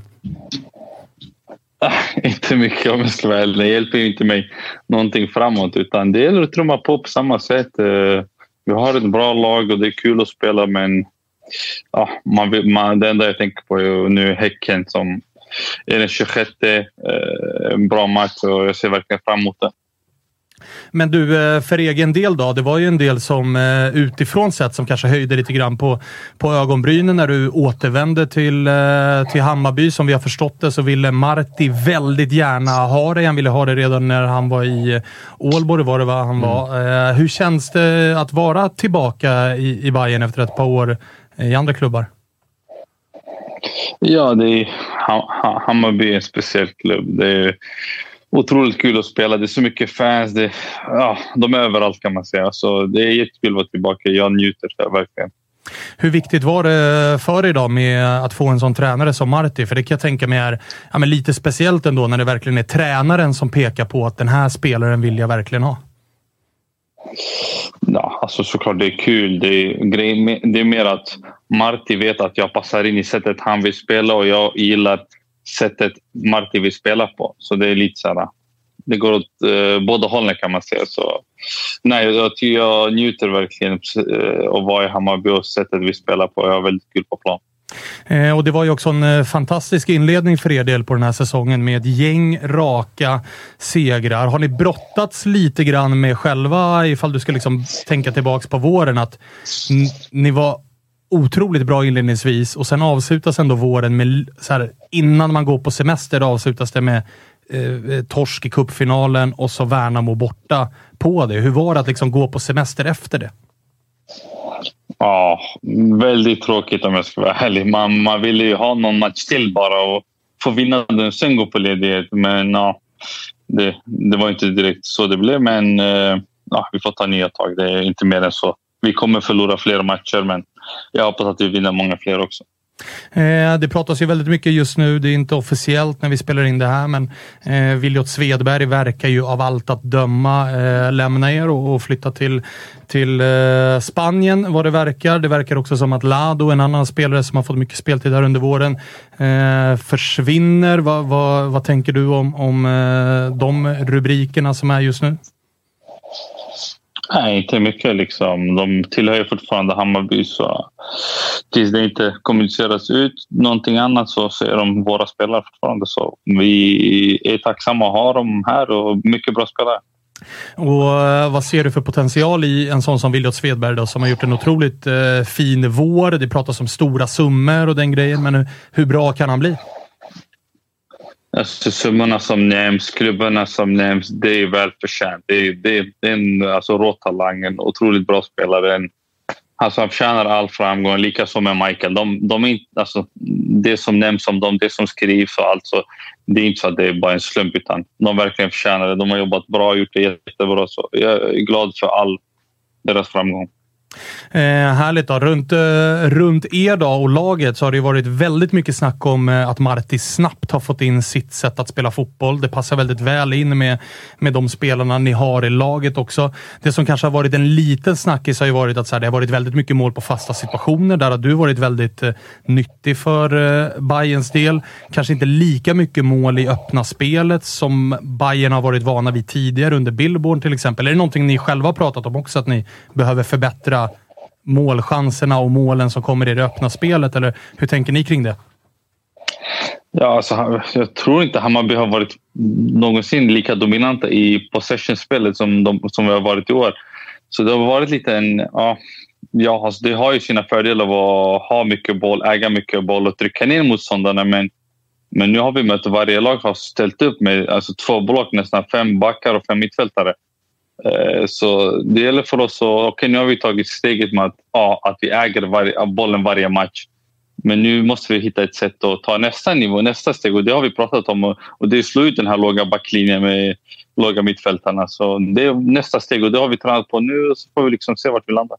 Hur eh, skulle du säga är så här, behövs det större individuell kvalitet när man möter så låga lag?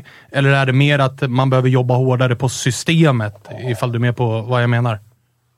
Ja, definitivt. Alltså, det är en mix. Det, vissa matcher har alltså, kvaliteten varit där, vissa inte. Vissa matcher där, där man säger att ah, vi missade den här lilla sista passningen. Men det har mycket med kvaliteten att göra. Eh, det är, det är ju svårt som sagt. Man möter ju allsvenska spelare där, där de är alltså, jättebra spelare men ändå försvarar så lågt. Så det blir svårt. Det är inte så att man möter division 5-spelare och, och de spelar så lågt. Där man ändå kan hitta hål. Och, utan det här är jättebra spelare vi möter som spelar så lågt. Så det, de gör det svårt för oss men eh, det känns som att vi tar steg. Vi har tränat väldigt mycket på det. Så jag hoppas att det blir bättre i hösten där det blir fler spelmål. Eh, jag tänkte på, på ditt samarbete med eh, Loret och, och Darjan. Det känns som att ni, eh, att ni har dels att ni har identifierat era, era roller i både defensivt och offensivt spel väldigt tydligt, men att ni också kan gå in och täcka lite för varandra när det behövs. Hur, eh, hur känner du att det, den synken funkar? För ibland, ibland upplever det som att det är telepati. Att man, man slår bollar och så vet man att den andra kommer vara där.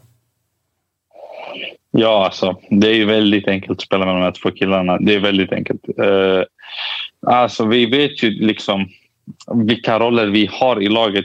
Det är det är inte så att Darian Darjan ska göra det. Alltså, vi vet riktigt. Darjan vet vad han ska göra, Loret vet vad han ska göra, jag vet vad jag ska göra. Det, eh, Darjan har alltså, en viss kvalitet, jag har en viss och Loret har, men ändå, det känns som att alla tre ändå tillräckligt smarta att vi förstår varandra så pass bra. Eh, som jag sa, jag tycker det är jättekul att spela med dem. Jag känner att när jag har de två, att jag inte behöver komma ner så långt ner för att hämta bollen utan stanna där uppe, vänta på läget. De hittar mig till slut. Mm. Vad eh, skulle du säga är eh, liksom den stora nyckeln nu då för att gå och ta... Alltså Bayern är ju ingen klubb som historiskt sett vinner guld. Det har ju bara blivit ett på 100 plus år. Vad känner du själv är liksom, vad, vad är det ni behöver jobba på allra mest för att det ska sluta på allra bästa sätt den här säsongen? Nej, alltså det gäller att fortsätta på samma sätt. Ja, som, som ni själva sa innan, där, eh, de senaste två matcherna har inte varit direkt roliga matcher. Det är någon käftsmäll här och där, men det gäller att fortsätta trumma på, det, trumma på och fortsätta tro på det. Eh, säsongen är e lång och det, det, som jag sa, vi har lagt en grund nu. Nu, är det, nu ska vi ta nästa steg och utveckla vårt spel och, och bli ännu bättre. Härligt. Då får ni eh, gnugga på. En sista fråga då. Jag vill bara kolla ifall det är en myt eller ifall det liksom är en sanning det här med att eh, ja, men Martin, när, när han kom, så jag vet inte om han har sagt det själv i en intervju eller ifall det har sipprat ut, att han är, han är eh, rätt tydlig med att man måste vara säker på sina passningar. Att man ska inte slå så mycket chanspassningar. Att det ska vara liksom, är det 70-30 att passningen går fram, ja, men då kanske man ska ta ett annat alternativ där det mer är 80-20 eller 90-10 på att man är, man är säker. Stämmer den bilden eller är det liksom eh, uppmuntrar han mer att... Eh, för det kan ju vara en grej till att det inte blir lika mycket mål i det öppna spelet. Att säkerhetspassningarna går lite före de här avgörande passningarna som är lite svårare. Eller, eller hur, hur, eh, hur är bilden? Nej, jag tror inte det är sant. Men det, det är en mix. Alltså, självklart han vill inte att backarna ska slå en passning där det är 50-50.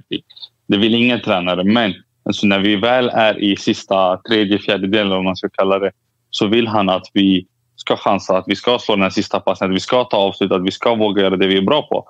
Till exempel, han är, Darren har ju kanske en av, ja, inte en av, kanske bäst fot i allsvenskan, den här sista passningen. Så han är på honom hela tiden. Slå fler chansningar, slå, slå. Så.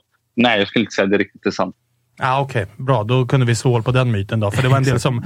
eh, Det har varit lite snack om det, om att så här, anledningen till att Bayern inte gör lika mycket mål i öppet spel är att eh, Marti har satt, eh, typ som en regel, att så här, är, det, är, det, är man inte helt hundra på att bollen går fram, då är det bättre att behålla den inom laget än att bli av med den. Så där. Men då, då stämmer inte den bilden riktigt helt då, med, med hur verkligheten ser ut. Nej, nej, utan det är mer, mer i backlinjen där att alltså, han vill att det ska vara säkert, och stabilt och tryggt i våra uppspel. Men där uppe, det är bara att köra. Det, gör det ni är bra på. Han, han försöker få oss att släppa loss och göra det som sagt det vi är bra på. Härligt Nair, det låter som att du eh, trivs ganska bra med eh, att vara tillbaka i Bayern.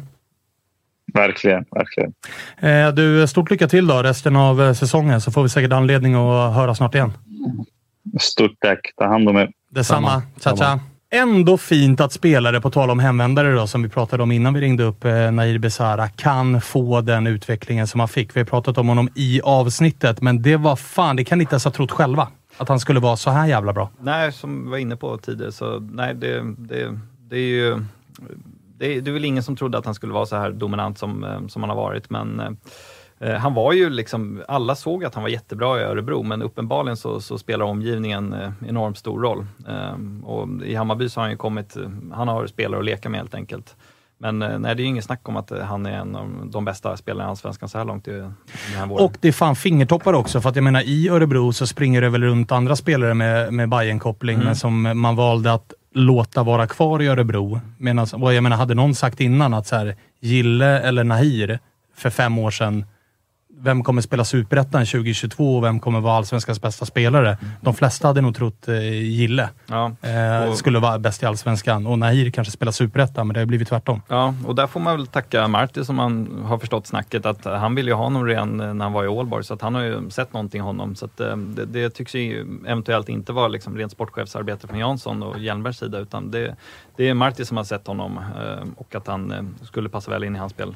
Mm, och det är den, alltså det sömlösa, den sömlösa synken mellan just låret, eh, Darjan och Nahir. Att de har hittat exakt sina rollfördelningar men också att de kan gå över och spela och täcka lite för varandra. Så om liksom säger att eh, Nahirs tre, fyra passningar inte når fram, ja men då går bollen till Darjan nästa gång och så sköter han de passningarna. Eller någon tar, liksom de tar jobbet för varandra även på det centrala, centrala mittfältet. Och det det det är återigen Marti som, som ska ha cred för det. För att han lyckas identifiera exakt den spelartypen till och för att komple, för, som komplement till de han redan har. Det.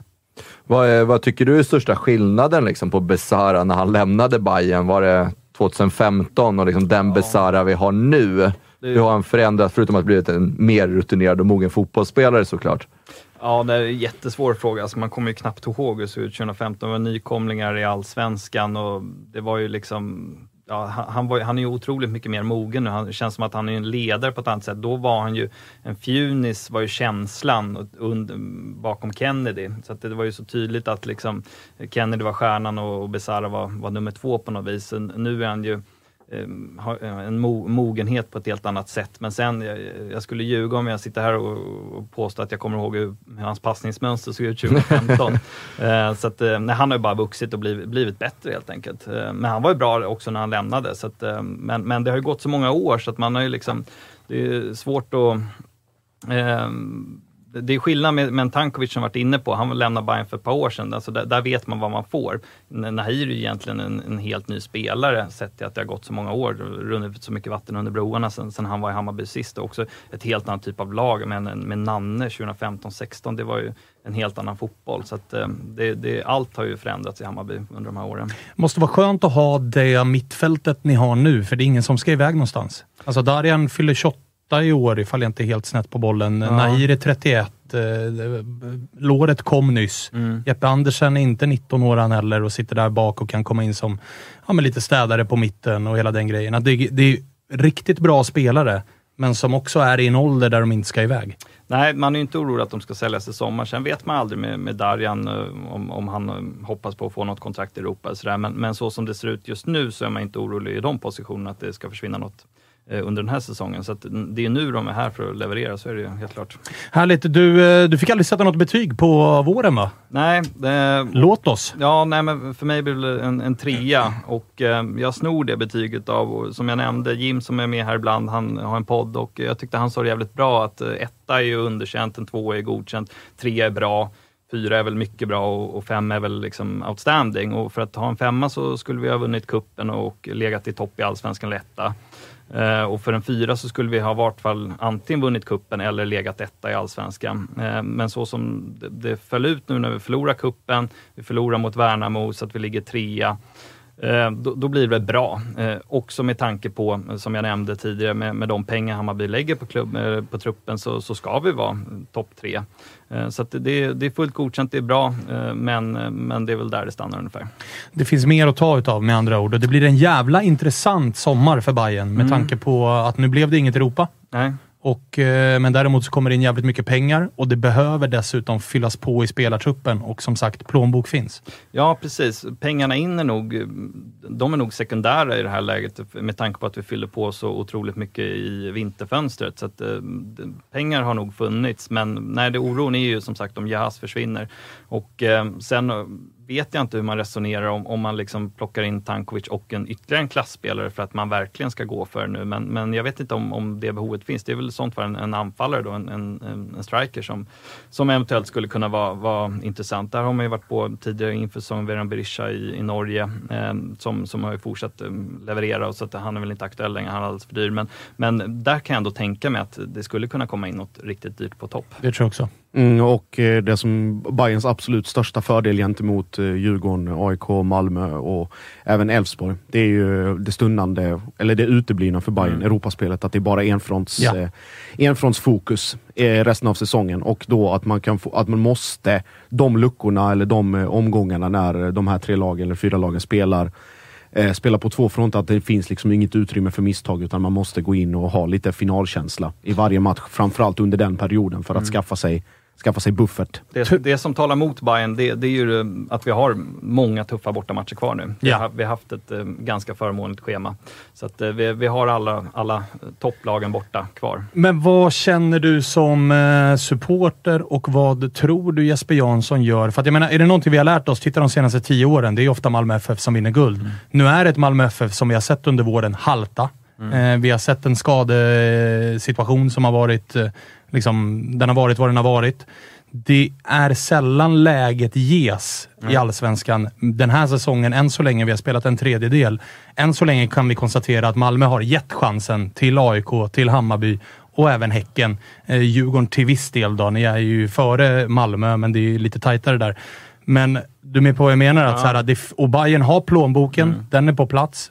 Tränaren är på plats det finns ett läge här att gasa utan Europaspel och verkligen gå tydligt för guldet. Det kommer troligtvis kosta en eller två prestigevärvningar som ska in mm. här under sommaren i så fall. Tycker att Bayern ska göra det, som ju kanske är lite kortsiktigt, och gå för det, för att ta det där jävla guldet? Eller, eller tycker du att man ska bara tänka liksom långsiktighet och, och fokus på det? Nej, alltså, hade du frågat mig för eh, innan vinterfönstret så hade jag sagt att man ska vara en försiktig general och, och mm, helt enkelt för att eh, mitt, mitt stora problem med Hammarby de senaste åren har varit vårt egna kapital i, i eh, aktiebolaget, att det har varit alldeles för litet. Så att vi har haft en väldigt stor risk. Vi har haft väldigt höga kostnader och ingenting att falla tillbaka på för det fall att man missar någon, någon försäljning eller liknande. Då, då, kan det snabbt gå ut för och det har vi ju erfarit i Hammarby tidigare. Men, men nu har vi kapital på banken så att vi, vi har chans att riska och hela syftet är att man ägnar sig åt det här och bygga upp pengar i klubben. Det är ju inte att ha dem på banken utan det är ju att återinvestera det för att få resultat på plan. Det är det vi sysslar med. Så att läget där vi är just nu så, så hoppas jag och tror att um, att det kommer satsas. Samtidigt kan det varit så att vi kanske skulle ha satsat ännu mer för det fall att vi kom till Europa, eh, just för att mm. ta oss in i ett gruppspel. Så det kan eh, jag är inte övertygad om att det uteblivna Europaspelet innebär att man satsar på guldet mer, utan jag kan tänka mig att man hade lagt ännu mer pengar om vi hade kommit till Europa, med tanke på de eh, givna intäkterna som det ger. Men hade du frågat Jesper Jansson så är jag övertygad om att han vill satsa, för att det har alltid varit eh, hans problem inom citattecken, men, men i, i vart fall i Helsingborg så han, han drog in otroligt mycket pengar till den klubben och hans eh, schism med styrelsen under den tiden handlade om att han ville gasa Eh, i vissa givna lägen när styrelsen sa nej. Eh, så att mm, frågar du honom så vill han nog öppna plånboken. Frågan om Hammarbys styrelse vill det, men eh, om jag ska gissa så tror jag att de är beredda att göra det, givet att de försäljningar som vi nu har gjort. Vad tycker du själv då? Tycker du att det är läge att gå all in-guldet nu med tanke på ja, Malmös haltande och, och, öppningarna det ger? Ja, det beror på vad man menar med all in. Jag tycker inte vi ska pantsätta klubben för att satsa på guldet, men, men alltså att, tänk, om man tänker sig att man lägger 20-30 miljoner, vilket är otroligt mycket pengar för en allsvensk klubb, i vart fall för Hammarby i stort sett, på, på att plocka in två spelare, så tycker jag det är rimligt att det, det är en, en halv eller en halv Williot typ det är väl fullt rimligt att lägga de pengarna i sommar eh, på nyförvärv. Men som sagt, det beror på vad som händer med Jihas också, om han försvinner eller inte, för då, då, då behöver man kanske lägga ytterligare lite. Eh, och sen beror det också på vad man menar med det där att gå all in. Om, om jag tycker man ska lägga så mycket pengar på att låna in en spelare resten av säsongen. Nej, det tycker jag inte, men man kanske kan erbjuda någon ett kontrakt två, tre år och då är det ju också en investering från kommande åren. Så att, eh, men, men det är ju helt klart läge att eh, lägga pengar i sommar med tanke på den på, på, tabellposition vi har och eh, med tanke på de pengar som vi vet kommer in. Gott så. Eh, Josip, du eh, vidhåller efter eh, det här avsnittet att Bayern fortsatt, fortsatt är den stora utmanaren till Malmö i år? Ja, det gör jag. Det, det finns, eh, hur ska jag säga, det, det, det, är så mycket eh, utöver liksom det här klockrena tränarbytet och den, den resultatmässiga framgången som är på plats i, i Bayern och runt Bayern för att det inte ska kunna sägas så. Eh, AIK har satsat hårt. Eh, AIK har tradition av att vara med där uppe alltid. Eh, men jag tror att det, det är fler grejer som behöver komma på plats även i AIK för att det ska kunna bli liksom eh, ska säga, konkurrens även på fem års sikt och, och den typen. Att man, man är beroende av försäljningar och Europaspel på ett annat sätt. Nu kommer 50 miljoner där, 40 där, 30 där för Bayern. Det kommer så kontinuerliga saker hela tiden. Eh, och, och Djurgården måste också bestämma sig någonstans lite för man, vad man vill ta vägen. Jag tror att Kim och Tolles framtid kommer bli avgörande för vad klubben vill göra, men också för vad, eh, vad Djurgården vill bli och vad Djurgården kan vara inom 3, 5, 10 år. Hur man ska lägga de här pengarna. För det, det här med att samla pengarna på hög, som, som Bosse har gjort de senaste åren, de, de dagarna är nog förbi. Utan ska man, ska man med med konkurrensen i stan så, och eh, MFF nere i söder så, så är det dags att börja spendera de cashen också. Fan Josip, vi har ju öppnat lädret som fan. Ja, och ändå är det... Edvardsen och Haksabanovic och... Ja, några tre... Det läggs kulor. Nej, men en, två, tre miljoner där och sju miljoner för, e- sju miljoner för Edvardsen. Alltså, ja, båda, båda de här två klubbarna har lagt mer på, på andra värvningar de senaste åren. Så. Ja, ja, det förstår jag. Det respekterar jag. Men eh, också så här, man hade borta Soro. Förra säsongen kostade ganska mycket pengar, så det mm. kanske att man inte fått utväxling på dem de spelarna man har investerat mycket pengar i tidigare. Ja, det, men... det är ett par plumpar nu på Bosses mm, konto. Ja, ett par. En va? Ademi, Asoro. Ademi var inte så dyr. Är en plump. Och en halv finlandsfärja. Än så länge är väl Wikheim, Wikheim en plump. Ja, Wikheim en plump. Får man lov att säga. Fan vad det letar Tänker, tänker, tänker, vi, tänker vi profilvärvningar här? Ja, ja, ja, ja. det är bara, det är bara så då hittills. Han, leder ändå skytteligan i Djurgården också, får vi inte glömma bort. Vi får se vad det slutar på helt enkelt. Uh, hörni, långt satan blev det, men det uh, var det väl också värt idag tycker jag när vi pratar om uh, topplagen Djurgården och uh, Bayern. Vi gasar vidare. Vi har ett avsnitt kvar. Då ska vi prata om de två som delar på serieledningen i tabellen. Vi får väl säga att Häcken leder då, med tanke på att Häcken har en match mindre spelad än vad AIK har, men båda lagen står ju på samma poäng. Det avsnittet hör ni på onsdag. Och sen är det midsommar och grejer och då drar allsvenskan igång och då kommer vi trumma igång som vanligt igen, Kalle. Det hatar du inte? Nästan, vill jag flika in där. Det kan vara bra för de som uh, lyssnar på det här då, att vi kommer köra torsdagen istället för fredag. Ja, men exakt. Alltså, ja. Vi kör ju inte på midsommarafton, Nej. det fattar ju alla. Så dumma inte ens vi. Nej. Nej. men det torsdagsavsnittet kommer ju alltså bli uh, ett uppsnack inför återstarten men också tänkte vi att eh, eftersom att vi inte har kört live på ett tag, mm. alltså riktigt live, mm. så kör vi också en liten frågelåda till eh, lyssnarna. Så chatten får gå varm. Exakt så. Och ja. eh, jag klarar ju inte av chatten, så då får jag August sitta här. Ja, chatt. jag, tar, jag tar paus då, eh, helt enkelt. Jag har jobbat alldeles för mycket. Behöver semester. Jag behöver göra som Josip semester. Ja, just det. Josef, du ska väl iväg också? Du är väl på din sjunde semester för året? Eh, midsommar... Eh, semester? Nej, då jobbar jag. Nej, sluta ljug. Nej, det är sant. Det är sant. Sluta ljug. Däremot eh, semester innan. Ja, jag tänkte väl det. eh, hörni, gott så. Vi eh, säger tack för att ni lyssnar och tittar och gillar det vi gör och följer oss på alla sociala medier och hela den grejen. Vi är tillbaka igen onsdag och då är det som sagt Häcken och Gnaget. Hej på er!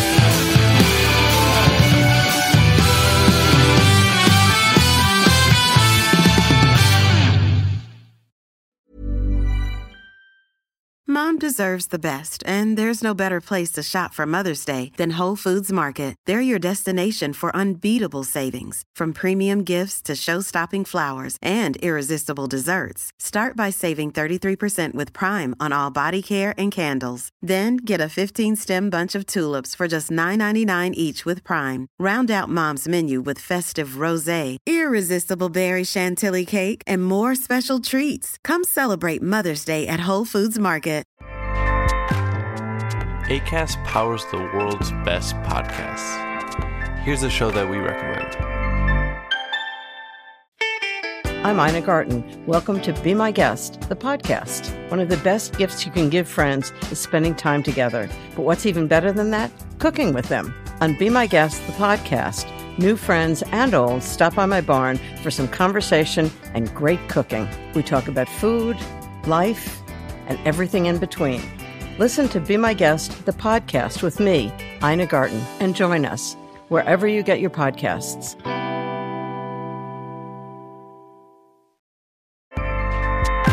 ACAST helps creators launch, grow, and monetize their podcasts everywhere. ACAST.com.